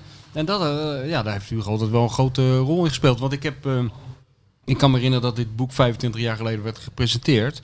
En toen ben ik daar geweest in die unit waar je zat. In Ja, de met. Van de in Mijn de vader. De Kuip? vader. Ja, heel, heel, klein gezelschap. Ja, was volgens heel leuk. Heel leuk. En ik heb hem laatst uit de kast eh, gehaald. En er staat dus in eh, voor Michel, die snel ook een boek moet gaan schrijven. Dus Oh, dat is wel grappig, een kwart eeuw geleden. En Ja, ik, heb, ja. ik heb me eraan gehouden. Zoals je zeker De aangehouden, rest is geschiedenis, zeggen we er dan eh, bij. Maar schrijven is het allermooiste wat er is, eh, Martijn. En eh, kijk, jij zit nu op één boek, Pellen. Maar nou Ja, even de gewoon... eerste de beste de boek. Hè? Dat is wel een... eh, Duizend vragen aan Nee, maar hij, maar hij moet het ook meer doen. om- Dat moet je maar zien te verbeteren. dat daar is toch wat je dan nooit schrijf je meer pellen overheen. spreek, duizend vragen aan Ja. pellen. Ja, kom Ja, daar dan ooit nog maar wat wou jij overheen. nog? Dat hij 2000 vragen aan Pelle gaat stellen. Hoe moet je daar nog ooit Ja, overheen komen? over. Deel kan niet 2, zo'n nee, deel 2. meesterwerkje. Ik opteer niet voor een deel 2. Even iets anders. Jij weet dus onwaarschijnlijk veel. Je moet, je moet met ons delen wat je nog niet met eh, de mensenmassa hebt gedeeld. Ja. Zonde, je Ja, hebt er ontzettend veel soort, kennis die, die verloren gaat anders. Of een soort Challenger worden. Eén meesterwerk en dan verdwijnen. Nooit meer in de publiciteit. Dus Ander pellen, telefoonnummer. dus pellen vergeten we dan. ook. Hey, Dan ja, kijk, Maasluis. vergeten we dan. Nee, pellen is het standaardwerk. En daarna zeg je van... Hey, gek genoeg, ik heb daar helemaal niet eh, de ambitie om een boek, eh, boek te schrijven. Kijk, Johan zei, die moet even een boekje met pellen maken. Die kwam er toen zelf mee. Eh, I want a book. Ik zeg, nou, ik geef het wel door. Dat had je snel voor elkaar trouwens. Ja, in man, in, dat was in twee vier weken maanden heb je dat. zo. Ja, anderhalve ongelooflijk. maand. Die gozer hield niet meer op met praten over zichzelf. Nee, die hield niet. Dat was wel. Dat was Ja, wel kleine lekker. narcist? Dat was wel dat. Nou, klein. Ja. Dat was echt. Dat was elke dag lunchen en dan babbelen, babbelen, babbelen. En ik had al vragen. Kwamen we nooit aan duizend. Dus ik, vrienden van me vragen. Even een paar vragen insturen. Ik moet duizend vragen hebben.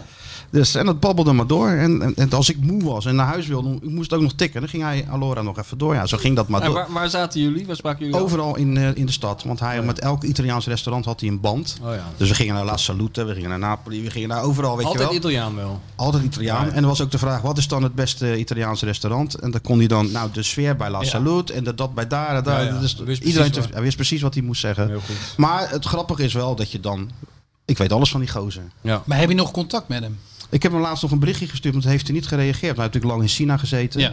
Maar het is ook niet zo dat we beste vrienden zijn. Want dat boek was nog, eh, lag net in de winkel, we hadden alweer bonje.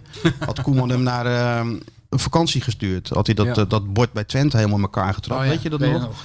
en als straf mocht hij dan een weekje wegblijven. Dan ging hij naar Marrakesh. Ging hij aan lag hij aan het zwembad. En dan ging hij die foto's naar die spelers sturen. Had ik een stukje getikt. Koeman straft pellen met vakantie. En toen was hij terug, die pellers. Dus ik zeg, ben je alweer terug? I hate you. Stuurde die. Dat is goed, man. I hate you. Dit is al een hard grasverhaal. Hij Dat heb je hopelijk wel opgeschreven. Nee, ja, dit- later. Dit heb zit hij nou dat- aan los te vertellen. I hate Heerlijk. you. Ik zeg, wat is er dan? Uh, I hate you and that I don't want to speak ever with you again. Ik zeg, nou prima. Lekker ging hij rustig. daarna naar Engeland. Wilde hij ook geen eh, interview aan de VI schrijven, eh, geven. Toen, Oh? toen eh, toen, ja, dat was eh, in de voorbereiding. Speelde Southampton hier. Want wat ik allemaal had gedaan. Ik was toch een vriend. Dat kon allemaal niet. Ik had gewoon eh, opgeschreven hoe het was. Ja. En ik denk, nou ja, die pellen zie ik nooit meer. En toen kwamen we bij het EK in Frankrijk. Eh, Zweden, Zweden, Italië. Ik heb het volgens mij hier ook wel eens verteld. In die mixon. Ik zeg, hey pellen. Nou, dan kwam ja, eh, Allemaal vergeven, ja, vergeten. vergeten. Ja. Ik zeg, je was toch boos? You know me. Het codewoord is Graziano. Zo heette die toch? Ja. Grazia. Graziano. Nee. Ja, dat is het codewoord. Ja, en daarvoor, als je dat meldt, dan Nou, kom je in aanmerking. ook. Wel goed gespeld, ik zou niet weten hoe het moest. Nee. Dan kom je in aanmerking voor een call single Dus een boek, ja. een boek is natuurlijk wel, als je, als je het kan, is het wel leuk om, om, om een boek te maken natuurlijk. Maar er gaat zoveel tijd in zitten. En Het is weet- het weet- Kijk, als het goed gaat, dat weet Hugo ook, maar bij jou is het ook een worsteling. Als het lekker loopt en er komt een beetje uit wat je wil, is het het leukste wat je kan doen met je kleren aan. Als het niet gaat en je zit te worstelen, is het gewoon helemaal kut. Maar je kan er niks bij Ja. hebben, denk ik. Je kan toch niet een boek schrijven en ook nog een club volgen en ook nog uh, ik heb wel de- elftal, weet ik het allemaal. Ik heb bij toen de Grijp wel geschreven naast eh, mijn. eh, toen, toen schreef ik toch elke week een reportage voor VI, dat balverliefd. En deed dat tv-programma en die column met Grijp. En toen heb ik dat Grijp heb ik daarnaast geschreven. Maar toen dat een succes was, heb ik dat wel misbruikt om te zeggen: het volgende boek wil ik me even helemaal concentreren op. eh, nee, wat is het? Dan word je helemaal gek. Het lijkt me zo... eh, Je moet de hele tijd in die, je leeft eigenlijk als je het goed doet, en dat heeft Hugo ook meegemaakt met, met zo'n hele club. Ik heb nog maar één persoon. Maar je leeft eigenlijk een beetje twee levens, twee agenda's. Je, Wat ik- leeft, je leeft je eigen leven. Ja. En je volgt, de, de- ja, zoals jij dat ook, het ritme van die club. je als, hebt als niet- de pleuris uitbreekt, dan moet je er zijn. Ja, maar dan, dan, en dan kan je er niks mee. Je moet toch, bedoel, je hebt niet elke week een climax of elke. Als ik nou wat hoor, stik een stukje, stukje online, boom klaar. Weet je? Ja. Daar kan je wat mee. Dan moet je het allemaal opsparen en dan moet je vooruitschuiven en zo. ja, dat moet je ook maar kunnen. Ja. Wat ik me nou afvraag bij jou, Michel. eh, ga jij nou iets overtreffen met Johan Derks? Je hebt natuurlijk goud in de handen. Aan de andere kant is het ook wel weer moeilijk. Want Johan is een open boek, zou je kunnen zeggen. Ja, het- En kun, je, kun jij jezelf overtreffen? Kijk, dat is een beetje mijn tragiek. De Cool Single bleef leeg. Dat heb ik nooit meer kunnen overtreffen. Oh Louis is een goed boek. Ehm Ja, de boek je- over mijn moeder, dat is van een andere orde. Dat, heeft anders, niet met ja, ja. sportjournalistiek te maken. Maar ik denk dat ik never nooit meer een beter voetbalboek schrijf. ja. Maar hoe zit dat met jou? Nou, je, blijft het altijd proberen gewoon. Dat houdt je aan de gang. Het, kijk, wat je volgens mij aan de gang houdt, die, al die ellende die je doorstaat, even gechargeerd gezegd, is gewoon dat je toch ergens de hoop hebt dat dat lukt. En elke keer lukt het niet. En iets, het, ik, ik denk dat het een beetje hetzelfde is als een sporter. Waarom gaat nou een atleet zijn hele leven in dienst stellen om 1 centimeter hoger te springen dan zijn voorganger. Terwijl je zeker weet dat als je nou maar lang genoeg wacht, en je hoeft niet eens lang te wachten, komt altijd iemand die 1 centimeter hoger dan jij springt. Waarom doe je dat? Ik denk als je dat de eerste keer hebt meegemaakt en het is gelukt, dan geef je zo'n goed gevoel, dat wil je nog een keer. En waarschijnlijk lukt dat, heb, heb je er gelijk in. Jij gaat Maar nooit meer zo'n goed boek over Feyenoord schrijven als je hebt gedaan. Nee, maar ik begin er niet eens aan om nog een voetbalboek te Nee. schrijven. Nee. Nou, ik heb dus kennelijk toch in mijn... eh, ik dat werkt ook niet bij jou, dus totaal niet verlammend. Nee.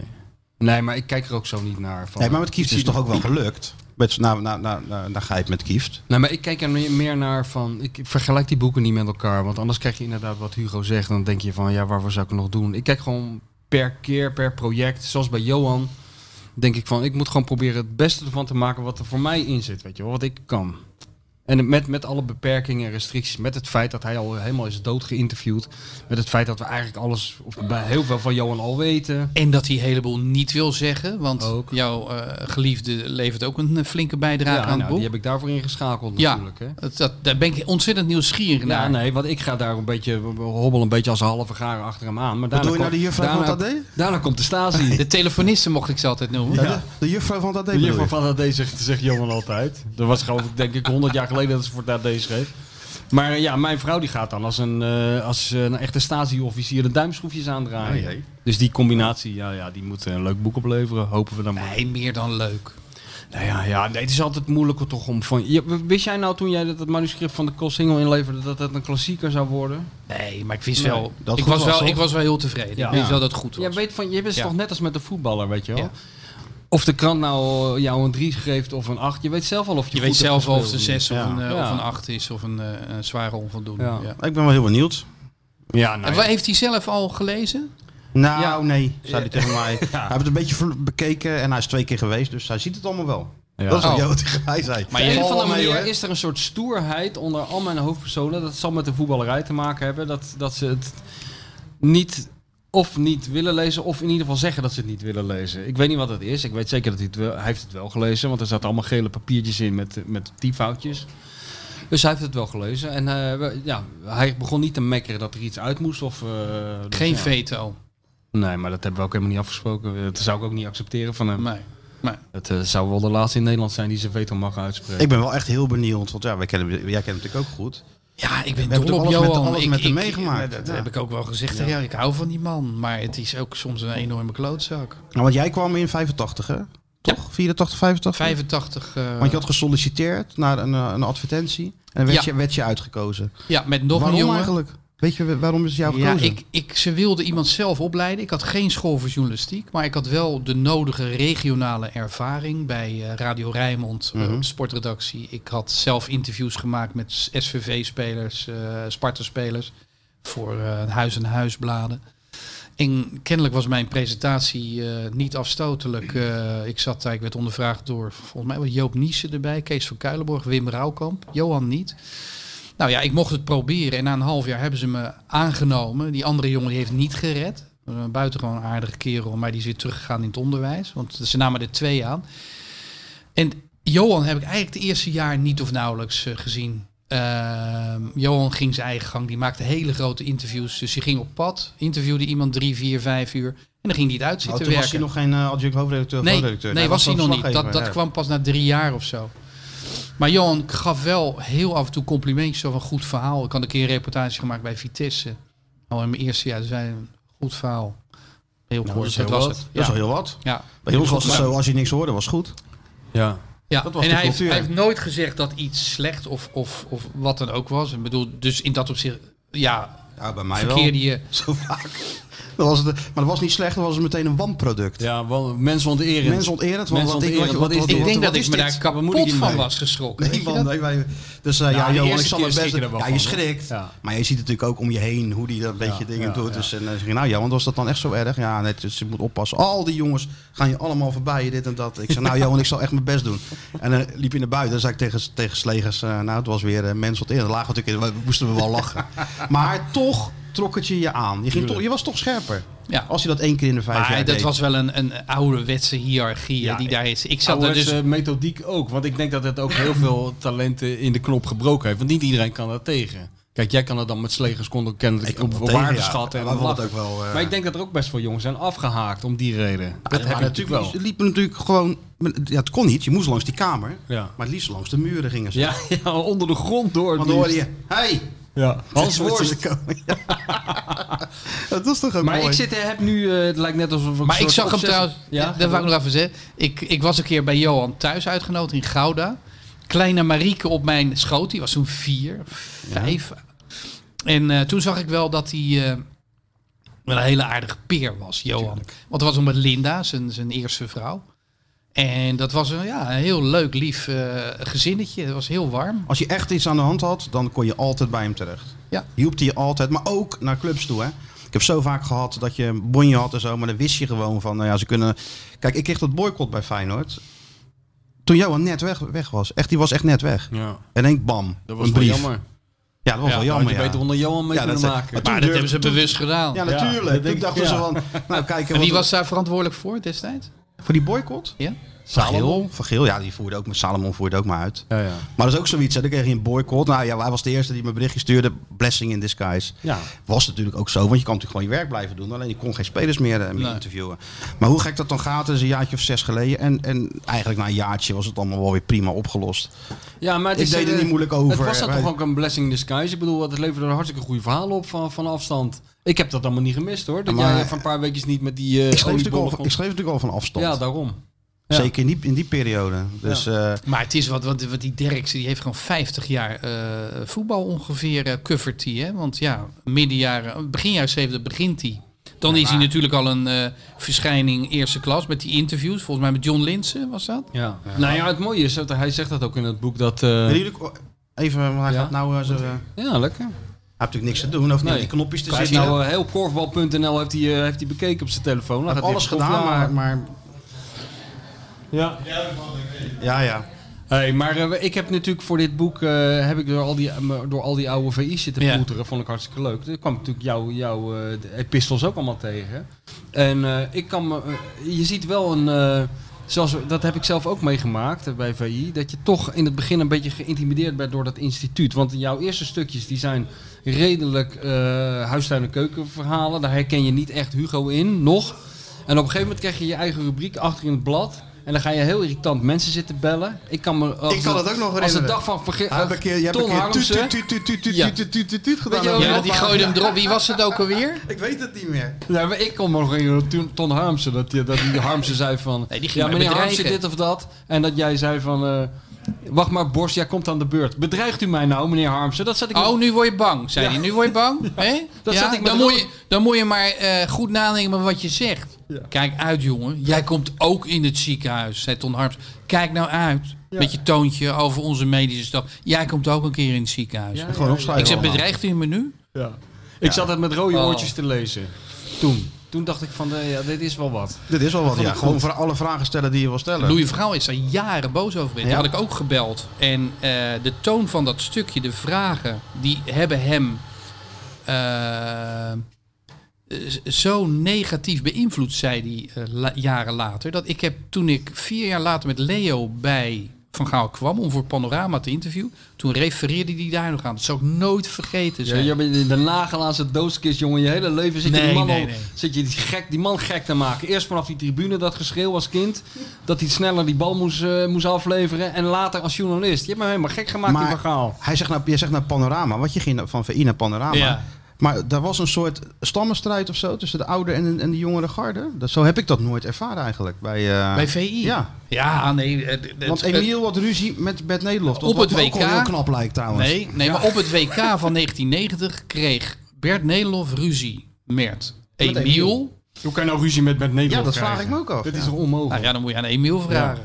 En toen uiteindelijk, ja, er kwam een hele nare sfeer eh, toen in, want ze zaten allemaal in Italië, was geweldig trouwens. Ja. En eh, ja, toen was het op een zeker moment was het eh schelvis, borst, verhul. Zonder dat we er erg in hadden. Tegen, ja, en, en de ouwetjes gingen achter Bert Nederlof staan. En juist op dat moment kreeg ik de aanbieding om voor Panorama te gaan schrijven. Voor een megabedrag, hè? Ja, voor heel veel geld. Ja, Ja, ik Want het ik verdien, Een ministersalaris, Ja. Johan altijd. Ja. ja, die ging ons nog even lopen esteren in, in de column. Ja, ja. Ja, ja. Maar ehm, ja, ik had nooit verwacht dat ik weg zou gaan bij VI. Dat, dat, dat heb ik Ja, al eerder gezegd. En ja, toen, toen was het eigenlijk wel noodzakelijk. Want het, het, het ging gewoon eh, niet meer goed. En Nee. Emiel werd ontslagen. En omdat ik een ontsnappingsmogelijkheid had en ik nam Leo mee. Ja, toen scheiden daar de wegen. Maar ik had het nooit verwacht. Om, eh, want ik, ik, was, ik had het ontzettend naar mijn zin bij VI. Maar ik En moet bij wel zeggen... niet. Nee, joh, was een hele verkeerde Ja. keuze. Want wij werden aangenomen door Ton van Dijk. Ik zal nooit vergeten. Ontzettend een leuke hoofdredacteur. Blowend. Hij nam ons blowend aan. Met zijn met zijn geitenwolle sokken zat hij op het bureau. Zo moet, zo moet en toen het. zei hij, eh, Appie, Appie van de Meulen had ons gescout. Appie, waarom moeten wij deze gasten inlijven? En eh, het werd steeds wolliger, dat gesprek. Het stond helemaal blauw. En nou ja, wij werden dus zoveel geld. Krijg je dat erdoor bij de financiële man? Ja, zegt Appie, dat gaat wel lukken, joh. Nou, we waren aangenomen. En jij kan goed onderhandelen. Ik kan eh, eh, best aardig onderhouden. En een maand later is die, eh, is die blower is ontslagen, die Van Dijk. En toen kregen we daar Joke Wartenberg. Ja. Het was een succesnummer van Yes. Nooit van yes, gehoord. Nee. nee, daar hebben we daarna ook nooit meer wat van gehoord. En die ging tegen Leo mij vertellen... luister, we gaan nu hele andere stukken maken. Hele kleine stukjes maken we al. Productinformatie gaan we geven. En wij nog zeggen, ja, maar we zijn aangenomen hier om gewoon eh, diepgravende reportages te maken. En concurreren met Barend en Van Dorp. Nee, nee, nee, nee, dat gaan we niet doen. We gaan het... En toen hebben wij het verstand op nul moeten zetten. Hebben we tweeënhalf jaar hebben we echt eh, ja, niet kunnen werken zoals wij eigenlijk wilden. Dat was voor mij echt... eh, Maar om dat geld wel in ieder geval... ja, eh, geld is goed. En onze advocaat zei, je moet zorgen dat je één jaar en een dag uithoudt. Want ze hebben zo'n dom contract samengesteld. Dat dan zijn jullie voor altijd in dienst. En dan kunnen ze echt gigantische afkoopsom betalen. Dus wij hebben een jaar lang en een dag hebben wij ja en amen gezegd. Let u allemaal goed op, jongens, want nou wordt het interessant. En- komt de tweede talent Nou, van Hugo nee. boven, boven nee, maar luister, luister. Wat je, Hij kan zo een zaak worden. wat je Ja. dan moet doen is Herman Loonstein, Ja. befaamde advocaat in eh, Amsterdam. Die heeft al drie rechtszaken voor me gewonnen in mijn leven. Ja, en die zei dus eh een jaar en een dag. En, en dat is ook uitgekomen. Toen kreeg ik een enorme afkoopsom mee. Leo ook. Ja. Leo heeft hij meteen eh, de komende jaren eh verbrast. In Sangria En, omgezet. en, ik leef, en ik leef er nog steeds eh, heel prettig van. Ik heb hem vastgezet, tien jaar. En, eh, Ja. Leo ging ook gewoon drankjes afrekenen met gedichtjes. Ja, ja, ja, ja. ja was ook Is ook ja, ken jij het bekendste gedicht van Leo uit je bedoelt hoofd? eh, Vlinder... eh Ja. in album. Vlinder in album van zijde gesponnen van kant gemaakt? Ja, dat is hem! Heel goed. Heel goed. Dat is Heel goed. God, ja. Ik heb een hele laffe cappuccino besteld, eh, baas. Ja, dat eh laat de Italianen niet horen. Hoewel, s ochtends mag het nog, hè? Voor jou is het nog ochtend. Ja, nee, zeker. Voor, voor, voor Hugo is het net... Ik eh, wrijf begin nu het- de slaap uit de, Hugo de begint net, begint net op op stoom te raken. En zometeen eh, heb ik het volgende interview. Dan eh, mag ik met Rinskje Koelewijn Oh, voor ja. NSC mag ik eh, Lunchen. gaan lunchen. Ja, heb ik ook ja, wel ja. gedaan, ja. Ja? Maar- Was dat leuk? Eh, ja, ze, ze schreef dat ik de hele tijd mijn zonnebril ophield en heel veel witte wijn dronk, kan ik me herinneren. Oh, Wat God. feitelijk geen onjuistheid Koel- was. Zeg me ook weer niks. Rinske Koelwijn, ja, die, die schrijft van die lunchgesprekken voor NRC. Maar waar ga je dan? Je Waar ga je dan lunchen? Bij jou thuis? Ik haal eh, witte Dwietse, haal ik aan de overkant haal ik even een eh, Oh, dan ga je bij jou, broodje eh, kip curry. hè. In je schrijvers... NSC betaald. ja, tuurlijk. Ben hey, benieuwd. lieverd. Moeten we Mario nog even bellen van jij? hey, de koekjes Tuurlijk. zijn op. Zijn de koekjes op in de tweede Ja, ronde? daar komen ze komen zo wel weer. Even Mario bellen. Even een break in deze. Ja, nou, dan hebben we, dan worden we geconfronteerd met een heel groot logistiek probleem. Want Nee, maar joh, koptelefoon te weinig. Maakt toch niet uit? Maar wat moesten we nou met Mario bespreken? Je had wat met Mario. Nee, even zeggen. Leo en Hugo kwamen jou opzoeken in 1990. Dat was toen we weggestuurd waren bij VI. Toen zei Dirk zo, pleuren jullie maar op. Toen was het even opbonje met Johan. Ja. Eh, en toen gingen we allerlei verhalen maken met René van Eck in Zwitserland. En ook Mario. En dat was, toen zei Mario, we gaan golfen. Wij dachten dat we mee mochten golfen. Maar puntje bij het paaltje, zei, eh, zei Been. "Uh-uh, ik ga met eh, die gozer even golfen. En wij mochten dan meelopen voor de sfeer. Maar Leo, die moest op hol 4, moest hij ontzettend schijten. en toen zegt hij tegen, tegen Mario Been. En toen zegt Leo, ik moet ontzettend schijten. Kan ik in die bosjes staan? Die Mario zegt, ben je gek geworden op een golfbaan? Ja, maar Leo zegt, ik hou het niet meer. Maar goed, hij zegt, Leo, hey, niet doen. En Maar die ging verder met, eh, met eh hol 5. Maar Leo, die, die loopt dus eh, naar, naar, naar die bosjes. En volgens Leo eh, zag je toen een kleine damp boven dat bos uitstijgen. Dat was, dat was het drolletje wat Leo had gelegd. En Mario is daar erg van streek van geraakt. En dat was in Pisa? Dat was in Pisa, ja. Het jingletje. Genoeg gelul van de Feyenoord Watcher en de bestseller-auteur. Het is tijd voor iemand die echt kennis van zaken heeft. Ja, hallo met Mario. Hallo met Mario. Ik kan nu niet te woord staan. Wilt u dat ik... Ja, nou Moet ja. ik het nog even mee wachten dan? Met dat andere verhaal? Ook die dag? Nee, ga maar gelijk door gewoon. Ja. Nou ja, kijk, Leo die, eh, die, nou, die nam best wel flink in. Mhm. We waren de dag begonnen bij het ontbijt. De vorige avond wa- was een flink eh, eh, ja, gezellig geweest. Leo had gedronken. En toen de volgende ochtend bij het ontbijt. Ik kende Leo nog niet zo extreem goed. Althans niet zijn nachten. Maar kennen jullie elkaar gewoon van VI? dan? VI, jarenlang al. Ja, maar we gingen nog niet zo heel veel uit. Maar toen was ik natuurlijk elke dag met hem op pad. En s'avonds gingen we ehm, eh, nou ja, een beetje stappen. En Leo was flink dronken. Maar hij zat keurig om half acht bij het ontbijt. Maar wat hij toen deed, dat verbijsterde mij. Hij nam een biertje om half acht. Dus na het ontbijt, hij had geslapen. En drie uur later nam Ja. hij nam die biertje. En En toen ik zei, Leo, hey, pleur op. We moeten Mario Been eh, de golfbaan volgen. Interviewen, noem maar op. Hij zegt, Hugo, luister. Duurde dan altijd even. Voor de Ah, ja, ja. Dit is mijn recept. Dan moet ik één biertje nemen. En dan heb ik nergens meer last van. Want anders heb ik een kater. Dus als ik dit niet doe, dan heb ik de hele dag een kater. Dus ik denk, nou ja, oké. weet je, als dat zijn methodiek is, dan doen we dat toch gewoon. Een herstella artois noemde Rijk de Gooier dat. Een herstel. Ja, maar vervolgens was ik klaar met ontbijt. Ik ging naar de kamer en ik kwam weer terug. Dus zat hij aan zijn, waarschijnlijk zijn derde biertje. In ieder geval zijn tweede. Om even En, lekker, en die eh, dag ja. is het niet meer goed gekomen. Op de golfbaan niet. Hij moest er ook flink van drukken. Dat heb ik al, dat heb ik al verteld. Maar op een gegeven moment, s'avonds. Leo ging door met, eh, met, eh, met bier. drinken. Hebben we Mario geïnterviewd. En ook dat bandje, Michel, dat moet nog ergens in een archief liggen. Maar dan hoor je dit tijdens het interview. In een etablissement hoor je dit. Dat is het hoofd van Leo van Hul dat gewoon op de tafel valt. Terwijl wij doorgaan met het interview. Ik weet dat het allemaal waar is, terwijl ik er niet bij was. Want ik heb later voor Sportweek ook zo'n Jij serie hebt wel met verteld, ja. gemaakt. Bart Chabot en Jules Deelder en zo. En dat liep ook altijd zo Was af. met Jules toch hier? Het Ja, deelde die dat park, hij eh, helemaal... eh, Park, s- Parkheuvel. Met Oh ja, dat verhaal. Caviar bestellen. Wie heeft die champagne. rekening ooit betaald? Eh, ik. 700 gulden toen. Jezus. En het eindigde ermee dat Leo stokdoof. Jules ook helemaal, eh Helemaal is te ja. schreeuwen daar in dat sterrenrestaurant was werkelijk niet te geloven. En, en Leo werd steeds langer van stof. En op een gegeven moment was zelfs Jules een beetje moe van geworden. En toen zei, eh, toen staat nog op het bandje, dat heb ik ook nog. Nou, dan hoor je Leo zeggen: Hey, eh, hey Jules, eh, hoe heet het? Kijk, wat ik. ehm, ja, nee, wat ik eigenlijk wilde zeggen, Jules, is. ehm, eh, hoe heet het? Ja, weet, weet jij nog toen bij Sparta en toen hoorde je Jules. Nee, Leo, dat weet ik niet meer. Heerlijk. Ik vind dat een mooi verhaal van Leo. Dat hij, want jullie hebben dat sport aan tafel natuurlijk eh, mede bedacht. Toch? Ja. Nou, nee, wij werden benaderd voor de sporten van de eeuw. Ja. En de sporten van de eeuw, dat eh, daaraan vast zat, dat programma. En in dat programma moesten wij dan 50 minuten discussiëren wie de sporter van de 20e eeuw werd. Maar al snel werd dat een bijdrage van anderhalve minuut. En de rest ging gewoon lekker over wat er allemaal gebeurde die week. We begonnen met het kijkcijfer 79.000. En dat ging langzaam omhoog, omdat de tafel die er zat was interessant. Jansma, Derksen en Hugo Kamps. En die hadden jullie uitgezocht, toch? Die, eh, die Ja. bent, Ja, ja en Derks, ik zal nooit vergeten wat hij zei. Hij zei, ik wil niet bekend worden. Ja, nou, dat is Ik goed dat is... eh, Ik wil niet bekend worden. En eh, ik hoef er niks voor te hebben. Ja, nou, dat, dat zegt hij nog, dat zegt hij nog steeds wel. Bij heel veel dingen. Dat zegt hij bij heel veel dingen, doet hij voor Ja. niks. ja, zeker bij amateurclubs. Maar weet jij nog, Hugo, want wij deden de eindredactie, of tenminste zo op papier, had jij zo goed onderhandeld. Ongeveer half Rotterdam deed de eindredactie.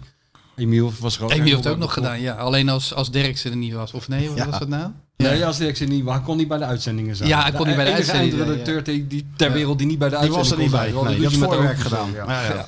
En dat je dan eh Kamps eh, voor, de, voor, voor, de, voor de camera moest eh, slepen. Oh, hou dit even vast, want we hebben Oh, hem hoor. ja, nee, daar hebben we hem. Hallo Mario. Die zit er al, de- trainer. Hé hey, jongen, Wat was hij nou aan het doen? toch, niet, toch niet op de golfbaan? Ik stond te stofzuigen. Nou, Nou. dat heb ik voorspeld. Ik zeg, hij Ja, hoort, hij hoort het wel wint. niet door het stofzuigen. Michel wint de prijs. Die Ja, hij is aan het ja. stofzuigen. Ja, Goed hè? heel goed. Ja, het moet schoon zijn, altijd. Ja. Even mijn vrouw helpen. Zo, heel goed. Doe je goed. Ja, Neem daar een voorbeeld aan, Martijn. Even je vrouw helpen. Nou, dat doe ik al meer dan genoeg. Hè? Zo kan het ook. Nou, dat doe ik echt al meer dan genoeg. Heel de dakterras dan doen van het weekend. Dat doe je ook niet voor je plezier. Maar ja. hey Mario, we zitten Ja. hier met een gast aan tafel. Hugo Borst. oké. We hebben het over Ah, zijn... Hugo. Ja, we hebben het over zijn meesterwerk, eh, wat hij 25 jaar geleden heeft geschreven. De Koolsingel bleef leeg, over eh, dat seizoen van Feyenoord. Heb, heb jij dat ooit Ja. gelezen, dat boek? Vroeg ik Ik me moet af. heel eerlijk zeggen dat ik niet al te veel boeken lees. Mhm. Maar ik heb er wel eh, dingen uit, uit gelezen, maar niet, niet het hele boek, Nee, nee. helaas. Maar ik ben wel van plan dat te gaan doen. Ik hoor er enorm goede recensies over, dus dat ga ik zeker doen. Ja. Maar eh, ja, ik denk dat hij toch nog wel een tijdje leeg blijft. Dus misschien dat, eh, dat nieuwe boek kan ik dadelijk misschien lezen. Nee, je kan dit boek in principe elk jaar uitgeven, langzij Dan deze titel. Dat is Steeds een andere datum erop plakken. Steeds een ander jaar. Dan, eh, ja, dan gaat het wel mee. Hij is een keer Ja, bij jou geweest, toch Mario? Hugo? Met, met Leo Veel. Kan je dat nog herinneren? Hugo is een keertje met mij in Italië geweest. Ja, toen zijn we gaan golven. Ja, Met Leo, hè? dat was... Ja, die ging ergens even een bout draaien. Zo eh, op hol 3 geloof ik. Hol 4 volgens mij. Ja, maar dit was dus een elite golfbaan, dat wilde jij niet weten. Daar stonden de, de Mercedes en de, de Jaguar stonden opgestapeld. En toen kwamen even twee Hollandse journalisten langs en er moest eentje poepen onderweg op de baan. Ja, kan En die, gebeuren. gaat, die trekt gewoon zo zijn broek naar beneden en die gaat zo net naast de kring op hol 4 gaat hij even zijn grote ding eh, zitten draaien. Schaamde jij je toen? echt. Ik schaamde me heel erg, ja. Ja, ja, ja. Maar goed, zoals je moet, dan moet je, hè. Maar ja, het is een beetje lullig om dat op de green te doen, toch? Ah, Leo was die dag ook niet helemaal lekker, hè? Hij was de vorige avond, had hij flink doorgehaald. Ja, en ik ja. heb net eh, verteld aan de heren dat hij eh, de ochtend begon met een biertje, want dat zou helpen tegen de kater. Maar Ja. daar is niets van gebleken. En uiteindelijk, Mario, kan ik me herinneren dat ik jou interviewde. Want Leo deed dan niet meer mee aan mijn zijde. S'avonds om een uur of acht bij het eten, pizzaatje, weet ik veel. En op een gegeven moment Ja. hoor je één grote bonk. En Leo valt zo met zijn hoofd op tafel en begint te snurken. Kan nagaan wat een Ja, interessante uitspraken jij allemaal afscheiden als voetballer. Ja, nou ja, toen de tijd had ik nog wel eh, hele spannende dingen te melden. Nee, dat was... Benjo was, eh, was niet in de moed op de, in die dagen, nee. nee, nee. Ach, ja, goeie oude tijd. Allemaal Italië, mooi, verjaard. mooie tijd geweest. Ja, ja. Die telt alleen maar weer het heden. Maar wat ik me ook nog kan herinneren, Mario, jij, jij nam ons dan mee in die prachtige Mercedes. En Ja. daar zat echt de beste geluidsinstallatie in die ik tot dan eh, had meegemaakt. En jij draaide keihard Pavarotti, Nessun Dorma. En dat was echt kippenvel. Mooi hè, dat je dat nog weet hè. Mooi hè? Ja, Ja, nee, nee dat vind ik, eh, vind ik apart. Je hebt altijd dingen in je leven die je bijblijven. En, eh, Ja, dus als ik ook door de stad heen reed, dachten ze dat de president was. Ik had zo'n zwarte Mercedes met twee van die vlaggetjes voorop. Weet je, dat dacht ik dat de Italiaanse president is. ja, dat was wel volgens wat, mij ja. hebben we hem ook meegenomen naar Nederland, die Mercedes. Ja, klopt. Ja, die heb ik meegenomen naar eh Heerenveen. Want ik ging natuurlijk toen op een gegeven moment eerst naar Roda. En toen naar Heerenveen. Ja, bij Roda was dat ook wat. Dat was wel leuk. Ik zette hem, als ik bij- toen bij Roda kwam, moesten we een oefenwedstrijd gaan spelen in België. Maar ik moest nog een proefwedstrijd doen. Dus op een gegeven moment, ik kwam aan met die grote Mercedes. Die zet ik op de plek van, oh, wie, wie was ook weer? Servé Kuijen was dat dan toen Ja, de voorzitter? Ja, dat kunnen. Dus uh, die Berto kon naar hem toe. Hij zegt, "Oh, maar dat kan je niet doen hoor, je wagen daar zitten. Ik zeg, hoezo niet? Hij zegt, nou ja, als die president of die voorzitter dat ziet. Dat, eh." Ik zeg, maar hoe gaan we naar die wedstrijden toe? Hij zegt, nou, we gaan eigenlijk allemaal met eigen vervoer. Maar die hadden allemaal van die kleine Fiatjes. ik zeg, weet je wat, dan zetten jullie toch allemaal je wagen achterin bij mij. Dan rij ik toch. ja, dat was echt, jongen. Maar dat was geen succes trouwens, hoor, bij Roda. Nee. Nee, dat, dat was de teleurgang eigenlijk eh, van de voetballer Mario Been. Zonde eigenlijk, hè? Dat je Ja. dan zo, dat je zo Ja. eh, aan je einde, Ja. einde komt, hè? En dat je zelf wel meer wil, maar fysiek Ja. kan je het gewoon niet Nee, meer opbrengen. Nee, maar heb je nog Nee, even een leuk nee. jaartje bij Heerenveen gehad, toch? Hè? Toen ben ik nog even met bij René geweest in eh, Heerenveen. Toen nog even naar Wakker Innsbruck. Maar dat heb ik al vaker vermeld. Daar had ik niet al te veel hoogtepunten. Was het niet dat ik op een berg woonde. Dat was eigenlijk het enige. En toen heb ik nog ja, bij afge, ja, eigenlijk eh, gestopt bij, eh, bij Excelsior. Ja. Daarna. Ja. Dus nee, al met al is mijn, eh mijn rij je nog voetbalcarrière... steeds in die Mercedes? Nee, nee, ik heb nou Audi. Audi, ja. Ja. Hoeveel korting Nee. heb jij bedongen, Mario? Eh, op die Audi? Ja? Nee, ja, ja, ik probeer altijd wel natuurlijk het eh, beste eruit te halen. Maar volgens mij kan je ook goed onderhandelen, jij. Ja hoor, bij Hogeboom kan je echt, bij, als je Audi wil hebben. Dus eh, dit levert mij ook weer wat op als ik die naam noem natuurlijk. Dus, Jullie hebben gewoon gebeld, jullie hebben gewoon gebeld met elkaar. Want Hugo is precies zoals jij. Ja? Heel toevallig rij ik ook Ja, in maar een ja. Audi. Hey, hoor je dat? Heel toevallig rijdt hij ook in de Audi van Ook bij Hogeboom. Hogeboom. Audi, ja, maar Audi, jongens, Audi. niemand, niemand wil, toch, eh, wil toch te veel betalen, eerlijk zijn. Johan Nee, Derksen wel. Ja. Nee, dat is eh, duidelijk. Nou, die rijdt ook in een, in een gore grote bak, zeg. ja, die had bijna die auto van Dick. Wie? Johan. Johan Derksen. Die had bijna die auto van Dick Ja. gekocht, die enorme tank. Oh, die ja? BMW. Is dat zo? Ja, ja? dat vond hij net een beetje te, zei hij. Ja. Ja, maar hij rijdt natuurlijk ook heel veel kilometers, hè? Ja, hij rijdt zich te Ja, pletten. Maar nou niet zo, nou niet denk. Nou, Gollo Hilversum twee keer per week zou ik wel een Ja, ja behoorlijk zeker. eind Maar vinden. normaal heb je ook nog zo'n theatertour erbij. Ja, doet hij ook, ja. ja. Dat is nu niet natuurlijk. Hey Mario, voor die drie luisteraars die toch een beetje actualiteit willen. Wat vond je ervan gisteren? Ja.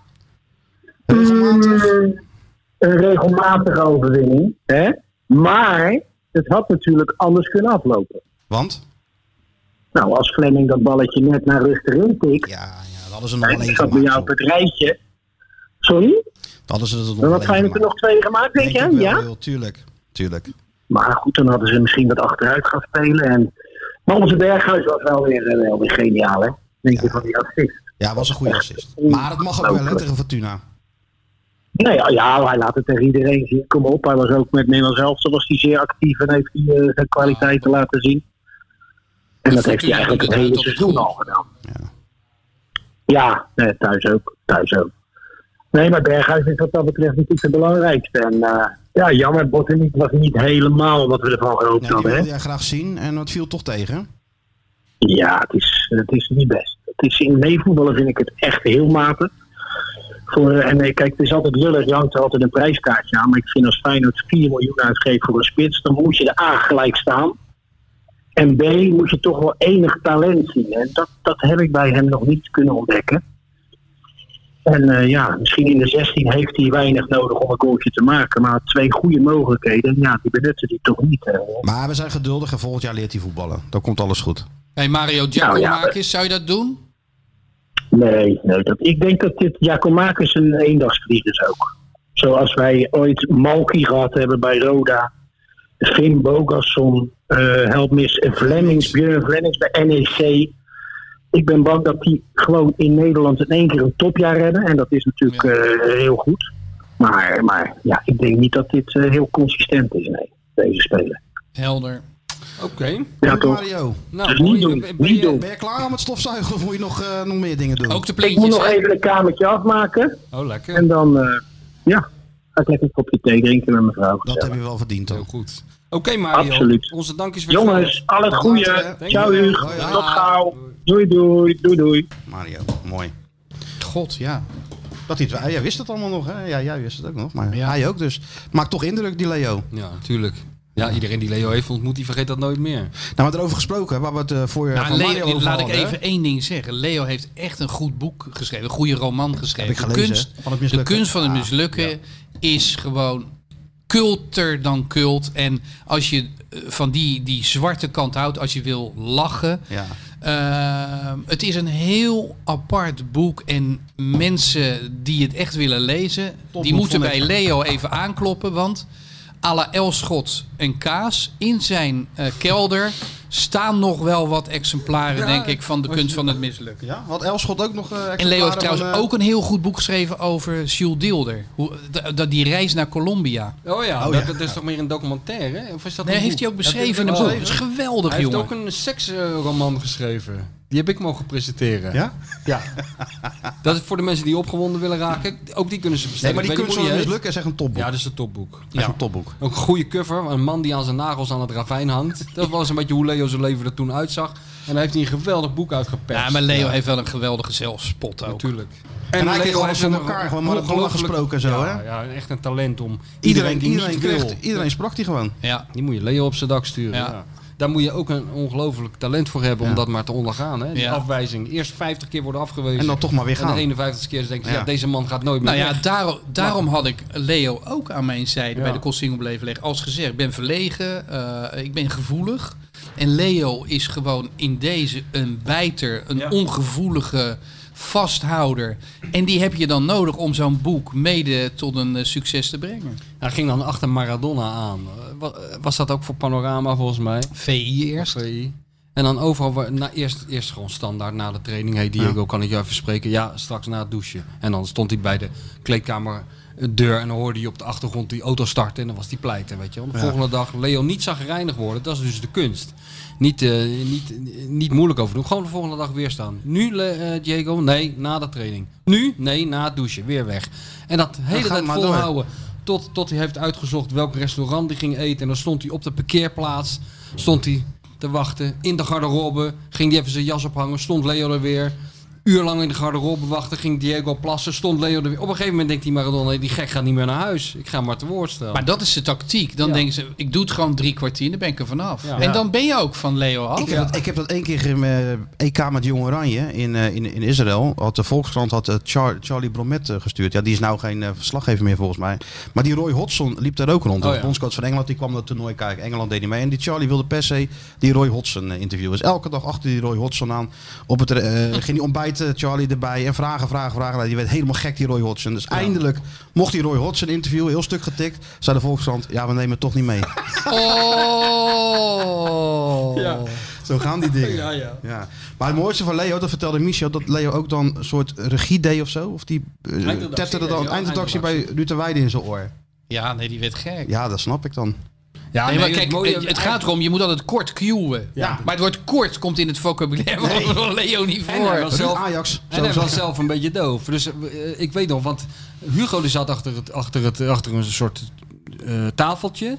Ja. Net als bij korfbalachtig idee. Zo'n Ja? zo'n- Als ja, zo'n Ruud. Corporaal achter Ruud zo'n achter tafeltje. Ja, Leo zat naast En, mij. eh, Leo, maar of- ik moest zat cueën. ook wel eens naast hem. En Hugo deed het heel goed. Dus die zei dan van... eh, bijvoorbeeld, het ging het over doping of zo. Er was een speler op doping gepakt. Ja. En dan zei Hugo in het oor van Ruud de Weijden... Derksen heeft ook doping gebruikt. En dan, Ruud de Weijden was ook heel, heel eh geroutineerd. En die pakte dat dan zo op. En toen op een gegeven moment, na een uitzending of vier, vijf, zei Leo tegen mij... ik wil ook wel eens een keer wat zeggen in het oor van die Ruud de Weide. Ik zeg, laat dit nou lekker zo.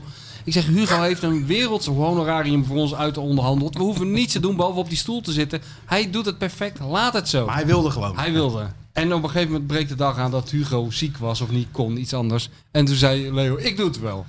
En toen was die show was bezig. En Ruud de Weide zegt iets. En toen dacht Leo, hier ga ik even een tip geven. Dus die begon eerst, drukte hij die knop in, waardoor je dus in verbinding was. En toen begon hij met die knop ingedrukt. hey, eh, hoe heet het? Hey Michel, ehm, even kijken hoor. Ik moet toch deze knop... Ik zeg, ja, ja. Ik zeg, zeg nou wat, want je bent al... eh, oh ja, dus ik, moet, ik kan nu praten. Ik zeg, ja, schiet al op. Allemaal live, hè. En, en Je toen- zag Ruud de al aan zijn oortjes zitten. Ruud de begon dat ding al uit zijn oor te pulken. En toen sprak Leo de voor mij onvergetelijke zin. Hey, eh hey, hoe heet het? Hey Ruud, met eh, Leo. Alsof hij gewoon van aan de telefoon zat met hem. Dat vind ik zo'n mooi verhaal. Ja, dat was zo goed was dat. Ruud met Leo. Wat een topman. Ja. Oh, En we hebben nu een quiz. Nou jezus. Ja, nou, ja, Hugo, maar je blijft nou even Ja, zitten. Het- huis Nee. Ik ben een trouwe luisteraar, ik heb hem nog nooit opgelost. Maar blijf nou even Nee, maar, zitten. maar luister je wel altijd. Of Jij loopt altijd weg, Ik toch? Hoor die jingle weg. Ik kan- Dit is niet te doen. dit. Die hond kan toch even uitgelaten worden nu? Ja, die, die hond kan ook niet tegen. Hoewel, het is- moet je naar buiten Nou, kijken. Verschrikkelijk.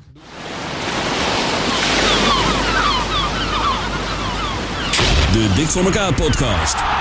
Dit Feyenoord weet je. Feyenoord weet je. Weet je niet. Weet je niet. Het antwoord op de vraag Dit Feyenoord weet je, weet je niet. Hier is uw quizmaster Martijn Krabbedam.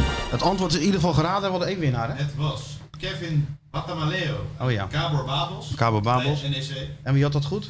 Eh, alweer op Twitter Benny Bako. Benny, Bako. Dat Nou, is een ons, goede naam. Dat is ons luister. Erik Verheij. Maar die had al gewonnen, maar die krijgt dus Die een krijgt het boek van Hugo. Ja. Ja, heel goed. Heel knap gedaan. Maar Benny Bako die krijgt niks. Benny Bako, jawel. Oh, die Benny wint Bako. dat. Dezelfde. Dat is dezelfde, maar je hebt gewoon een Oh. bijnaam Benny Bako. Ja, ja, dat is ons Ja, luisterpubliek. natuurlijk. Benny ja. Bako. Benny Dat Bako. doen we- daar En doen we ons het luisteren allemaal Benny Bako's. Ja. Nou, dat geeft toch niet? Nee, nee, maar je bent zelf ook een beetje Benny Zo, ja, Bako. dat kan je wel zeggen, ja. Dat kan je wel zeggen. Vooral op Jij houdt er vakantie. niet van. Ja, drinkt hij veel? Altijd nou, dat niet, hè? maar een Bacardi Cola vind ik leuk. Ik vind kaarten leuk. En daar houdt hij allemaal weer niet van, hè?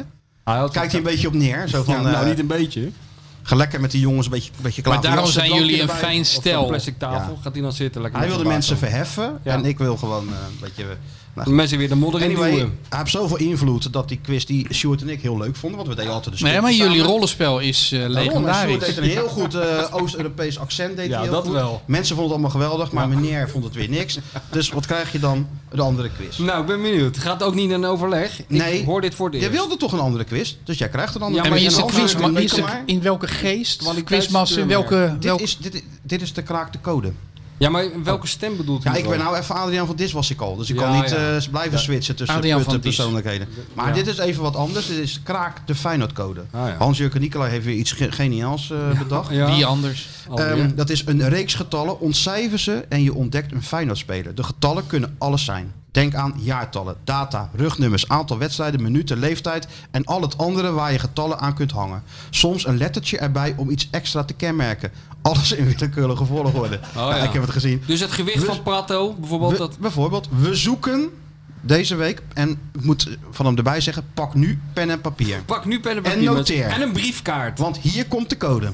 Nou, daar gaan we Ja, mee. ik Het zie- moet een enigma zijn, man. Ik geneer me er een beetje voor. Nee, dat is geen enkele reden. Ja, toe. enigma, als je dit ontcijfert, dan had je inderdaad eh, die code van die Duitsers ook kunnen ontcijferen. Wat is bijna niet te doen. Maar daar gaan we. Mensen hebben nu pen en papier. Ja. Daar komt hij. GSNA 29 streepje 2V 53760 SL streepje 215. Nee, dus een nummerbord. Dus nog een keertje. Dat van Mario Been in Italië. Ja, ja, ja. Nou, Italië. Dat is een andere nationaliteit. Oh, maar nationaliteit. Hint? Hint? dat NA zou wel eens een nationaliteit kunnen zijn. Maar goed, GSNA 29 streepje 2V53 60SL streepje 215. Wie dit goed heeft, Nou, dit is wel zo ongelooflijk cult wat hier gebeurt. We gaan nu in een soort codetaal tot de mensen spreken. ja, dit is een Ik code vrees dat die, als er een goede oplossing komt, komt die uit Amerika, van, van het hoofdkantoor van de CIA. Nou, ik denk, ik weet niet of die het lukt. Maar Sjoerd gooit hem nog wel even op social media. Ja, mooi Ja. plaatje erbij. Mooi plaatje erbij. Ja, dan Ja, kan je hem niet op een kluis monteren of zo. Ja, Dat is ja, ja, dat, dat leuk. Met een mondkapje Ja, dan. met een mondkapje op, dat hij op zo'n op zo'n bankkluis zit. Want dat vindt hij leuk, Leuk. hè? Voor de... Nee, duizenden, miljoenen mensen zitten nu met pen en papier die code te kraken. Dat vind ik wel een mooi ja, idee. die, die kunnen niet meer slapen. Nee. Die denken van, hé, wat slaat dat nou voor? Wel lekker kort. Meestal is zo'n quizje bedoeld om, om de, de luisteraar te binden. Ja, Ja, maar, dit, Maar dit is gewoon het grote wegjagen. Dit is het wegjagen. Ja, precies. Dit is het grote wegjagen. Ja. elke keer laten zien hoe dom die mensen zijn. Dat doe je graag. ja, want ik, het antwoord heb ik hier. Nou, je mag het wel even zien. Nou ja, maar het slaat Dat- allemaal- dit is- ja, het is gewoon laat Ja, is goed. Het is echt... eh, Wie is het? Die, zelfs Disney loopt weg. Die kan er niet meer tegen. Dus het is een nieuw format. eh, omdat Hugo, heb jij ook het idee dat dit al drie uur duurt? Of ben ik nou de enige? Nou, ik heb een afspraak staan om twee uur. Ik heb geen idee hoe laat het Het is is. één uur. Oh, Maar dan kunnen we, kunnen we nog wel even even, door. nog waar jij voor Ik gekomen ben wel bent. blij dat Ja. ik deze aflevering niet hoef terug te luisteren. Dat scheelt toch weer dat is- twee dat uur, is lekker. Nee, dat twee zijn- uur van Ja, mijn ja, eh, dure tijd. We hebben nog vijf minuten voor... eh gooi hem Vijf even in, minuten Sjoerd, want maar? daar is Hugo voor gekomen. hè? There was a time when you'd be more Dat vind selective. jij heel mooi, deze. When you were horny and feeling erective. Now one swipe and there's thousands to bone. All from a sex app you use on your phone. That's the Tinder. Hij gaat even rennen. Ja. Want je kent het, hè, Hugo? Sjoerd tindert tindert een beetje op de Feyenoord manier. Het levert nog niet heel veel op. Maar hij is de laatste week goed bezig. Ja, En? Nou, eh, volgende week gaan we het doen. Ja, Nee, dit, toch is ook, dit is ook net Feyenoord. Volgende week is altijd volgende week. Ja. Hoe zit het met het geld? Nee, Ja, volgende lag week- vooral aan haar, eh, moet Ja. ik zeggen. Maar Ja. wandelen. Ja, ja ze had al ze had tentamens en zo, dus eh, En waar is wat jonger. wandelen? Dat vraag ik me dus nog af. Ik, ik denk bij het Kralingse Bos. Dat is wel leuk, want dan, daar zijn een paar tentjes. Daar kan je koffie halen, boterkoekje. Dan kan je Ja. op een bankje zitten. Allemaal verkleinwoordjes gebruik ik. Ja, ja, dus je Nee, is niet goed. Ik zie nou al Hugo, ziet Nee, helemaal nee, geen waar moet ik dan wandelen? in de Hugo? afronde. strand. Bij het strand. Ah, dat is misschien een goeie. Ja, maar als het nou niet klikt op het strand, kan je niet weglopen. Sjoerd is zo'n type. Ja, als hij ik, denkt ik na heb het al. minuten. Dat zei ik al. Ik wil wel weg kunnen lopen. Ja. Ja, op zijn dus- aan, hè, altijd. Of, of, Ja, ja, dat klopt. of op een golfbaan. Dat je op Ja. vijf zegt: Sorry schat, ik heb nou toch een beetje last van. moet even- ik moet ja. even. Ah. Nee, maar je gooit gewoon een stok in de zee. Dan gaat ze hem halen en dan ren je hard weg. het, is, het is niet dizzy. Ja. geadviseerd een Nee, stok in de zee te gooien. Onthoud dit, luisteraars. Maar ik vind het wel- met pen en papier, schrijf dit er even onder. Maar vind ik vind het het wel wel- veelbelovend. Ja, en, maar ik vind het wel lastig, want ik ben ondertussen nog wel aan het Tinder aan het happenen, weet je wel. Ja, natuurlijk niet. Ja, maar eh. Nou, zij, je heeft, zij heeft dus gehoord. De- schaduwlijst moet je compleet... Ja, dat legt alleen maar druk op Dus haar. ik weet niet Dan of moet ze- ze maar zorgen dat, dat het Als ze nou stiekem weer die podcast gaat luisteren, dan hoort ze dus steeds een update over wat met Ja. haar. Dat is echt super ongemakkelijk. Wel, nee. Ze weet dat jij... En, dat, en dan achterhand- weet ze dus nog dat ik ook ben het... jij weer met die schaduwlijst bezig. Dus Dat ik gewoon... aan haar of je die ooit nog nodig hebt. Sjoerd maakt zich veel zorgen voor iemand van zijn leeftijd. Dat vind ik wel. Ja, ik maar dat is ook in deze tijd. Anders had iets- ik deze, deze rubriek niet gehad als ik gewoon naar de stad kon. Ja, is dat... eh, dat- ja, Ja, tuurlijk. Dan was ik gewoon gaan stappen en dan was het gewoon gezellig geweest. Ja, ja. Dat is wel waar. Ja. Dat is ook weer waar. Maar Ik ben nu een beetje het zit wel- halfslachtig aan Het het... zit eh, wel in een afrondende fase. Dus wat Ja. dat betreft zijn Michel en ik niet ontevreden. We zijn helemaal Ja. niet ontevreden. en veel superlikes uit kunnen delen. Ook nog? Wat wel wat oplevert. Want normaal had ik niet de matches die ik nu heb. Hugo zit, Hugo zit er aan te kijken. Super likes. Super ja, ik, ik krijg bij Tinder kan je liken, eh, niet liken en dus super liken. En super liken, dan word je ja, makkelijker gezien. Dan krijg je zo'n pop-up dat ze super liked is. Ja, ja. En daarvoor. eh, Ik weet helemaal niet meer over welk meisje het hebben. Ik ben totaal dat nee, ja, eh, avonturen van Fabi-. Fabienne en. Maar dat eh, naam geeft hij nog niet. Nee, maar met wie ik date niet. Maar Marlies, Kirtanja, Angela, Fabienne, Denise, Nadine, Anani. Alice, Ja. Ja, Marijne, Nienke, Michelle, Simone Ja. en Hedda. Het is, god, dit is niet te geloven. achter die stok aan hoor. 100%. Dat denk ik ook al. Nee, maar laten we laten hem eerst deze eventjes gewoon binnenhengelen. Zijn Ja, allemaal voor dat eh, ene tientje, al die namen. Ja, blijkbaar Nee, wel. nee, inmiddels is mijn abonnement Dan afgelopen. moeten we een nieuwe sponsor Ja, vinden. Ja, moeten Chris Woods- snel- Chris Woods, Chris is, nee, Woods Chris bellen. Woods is met de champ bezig. De Die is bezig zegt- met eh, de champ uit Afrika overal te promoten. Ja, hij denkt dat het Moet een soort dat het een wereldhit in. wordt, hè, de ja, champ. Ja, daar gelooft hij heilig in, ja. De boot zegt nog een sponsor aan trouwens. Wie? Miss Jozilla, dat, die ken je nog wel. Van dat account eh, Ja, ja. vrij Oh, schaars ja, geklede dame. Ja, Ja, ja, dat is een topaccount. Wilde die jou eh, sponsoren? die zei ik wil wel een maandje sponsoren. Dus als ze luistert. Nou. Ze, hebben, ze heeft me net nog bedreigd dat ik op moet schieten met eh, monteren. Dus. Ja, ja, ja. Nou ja, Oké. Nou ja, goed, als je dit gewoon afrondt, dit, dan ben je sneller dan Frank Arnees. En dan zijn wij heel tevreden. Ja. Hè? Is goed tevreden. Toch? We- Ja. Ja. ik ga weer weg. Doei. ja, mooi. Nou, hadden we nog wat, want Hugo moet zo eh, lunchen met, eh, met NSC. Ja. Oladier. Is er nog nieuws bij Feyenoord? Is er nog gebeurd nog iets? Berghuis misschien. Moeten we nog Berghuis? ergens... hey, die kon toch een nieuwe eh, aanbieding tekenen? Nou, eh, zover is het helemaal nog niet. Want eh Slot heeft hem gebeld en eh, die wil natuurlijk graag met hem verder. In, in principe. Maar Feyenoord is ook niet vergeten hoe de laatste eh, maanden zijn verlopen. Hm. En het EK staat voor de deur, dus je gelooft toch niet dat Berghuis voor het EK een contract gaat tekenen bij, eh, bij dat hij heel nog aan Feyenoord bindt? Nee joh. Dus ik denk dat het allemaal wel, wel meevalt. Nou, Marsman hè, naar Inter Nou, Miami. je zou, je zou wel kunnen zeggen, hij verlengt, gunt Feyenoord meer dan 4 miljoen. Dus als er dan een club komt die er 9 wil betalen, dan biedt die Feyenoord nog een zeker perspectief. Ja, ik denk, Om denk- het af te komen. Denk, denk niet dat hij dat doet. Nee. Ik denk dat hij heel tevreden is met het eh, contract van Sjaak Troost. Wat denk jij? Bij wie denk zit ook hij ook alweer? Rayola? Guido Albers. Oh, Hij Guido zat bij Albers. Rayola. Oh ja. Oh ja. Maar 4 miljoen is hij op te halen met het EK voor de deur. Nou, hij heeft zich wel in de selectie gespeeld. Ja.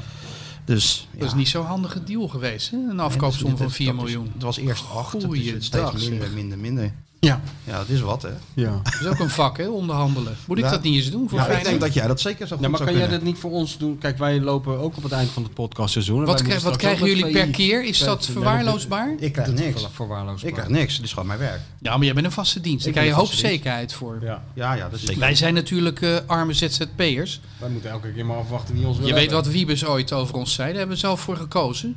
Ja. Ja, dat zei hij hè, Wiebes. Ja, die Wiebes. Wiebes, ja. Hij is nu zelf weg, ja. Eh, ja, dat wil ik eh, graag doen. Hebben jullie al eh, echte sponsors? Eh, Nou, dan wachten nou, we op we Chris wachten hè. op Chris Woerts, maar dat duurt wel erg lang. ja. Dus ja, we doen het gewoon Dus, meer... ja. Ik denk toch aan, aan Audi Hogenboom. Audi Hoog, Hogenboom, Audi Hogenboom. Audi Dat Hogenboom. is van die auto's, toch? Van Ja, die ja, Audi's. Audi, Audi's. Audi, Waar ze vier van die Die wielen. nooit kapot gaan die auto's toch? Ja, van die hele Ja, goede ik heb een Audi. Nou, ik heb je ook. een Audi. Ik heb ook Ik een rij Audi. al tien jaar Audi. Ja? Nooit. Weinig klachten. Weinig Ja. klachten. Nou, Ik- ik zal niet zeggen nooit, maar Nou, even kijken, mijn eerste Audi. Is 12 jaar al. Nooit problemen eh, met die over Audi. dat geneuzel over die Audi Audi. melden bij... Sweet eh, Safevis, die mag ons sponsoren. Net Ja, als dat hebben ze al keer. gedaan. nou, Dat daar had ik een beetje op gehoopt. Ja, ja, dat heb je Nou, maar goed, ik ga daar ook lunchen met NRC. Ja, daarom. Ja, jong. Nou ja. Oké. Het Nou, was, jongens, Nee, dat wordt een was hit, dat wordt een gezellig. hit, dat boek van Hugo. Koop allemaal dat boek. Ja. Want, koop eerst het eh, boek van Hugo en koop daarna het boek van Michel. En vrijdag zitten jullie weer, gaan jullie weer naar de televisie, hè? Vrijdag gaan we natuurlijk weer... eh, Je zit Ja, in een andere De programma. vooravond, we zijn geloosd hè, vorige week. ja, wij zijn, dat is er was iets in de politiek heel gek. Onbegrijpelijk. Ja, onbegrijpelijk. Maar dat is wel leuk, want ik ga naar die, gewoon die hele simpele programma's. Ik ga aan zo'n vakje zitten of ik ga naar, naar Johan, weet je wel. En Michel gaat dan naar de vooravond. Schrijf nou En- dat boek dat je in je hebt. Al die geheimen die je nog niet hebt onthuld. Ja, ik zal er Hoe het werkt in de voetballerij. Nou, ik zal een boek, maar dan wil ik wel dat het gelezen wordt. Want je hebt, je hebt natuurlijk weinig zin om drie jaar van je leven te, te wijden aan een boek. Man, wat dan je- door 50 man wordt gekocht, weet je? Jij begeeft je in kringen van de Nederlandse topclubs. Dan weet Dat je gewoon heel erg veel wat je nog niet hebt opgeschreven. Zeker, maar dan moet ik even nog een paar jaar wachten als ik nog een paar jaar door wil met alles wat ik, eh, wat Ja, ik dat weet. is wel de beste volgorde, ja. En Michel coacht er ook doorheen. Als Nee, jij dat is helemaal niet nodig literaire dilemma's hebt. Nee hoor, dat is niet nodig. Dat zijn allemaal van die eh Martijn Krabbenam eh, zinnetjes, hè? Hoe noem je dat zelf altijd? Vier woorden zinnetjes. Vier, vier woorden. En ik weet al wat hij zegt. Heel veel functioneel wit. Heel veel Kom je heel eind mee. En ook heel veel un- un- onfunctioneel wit. Schiet ook lekker op. Zo is dat. Maar eerst allemaal Hugo zijn boek lezen. En Ja. dan weet je precies hoe fijn dat in elkaar steekt. Over 25 jaar geven we hem weer uit. Nog net zo actueel. Zo is het. Ja. En bedankt dat je er was, Hugo. Het Ja, was was gezellig. leuk jongens. Ja. In de Ik eerste literaire luisteren. aflevering van de Dik voor elkaar vo- Feyenoord voetbal eh, show. Doe maar een rode wijn. Tot volgende week.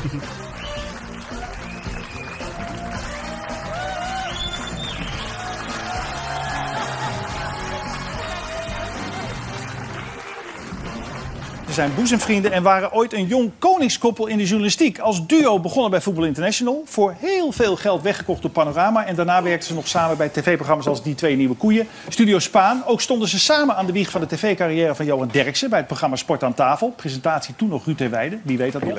De een, Hugo Borst, werd niet lang daarna een succesvolle columnist, schrijver, tv-persoonlijkheid. En de ander, Leo Verheul, belandde na solojaren van journalistiek, voetbalmakelaar, buitenland en drank. Uiteindelijk berooid bij de Voedselbank.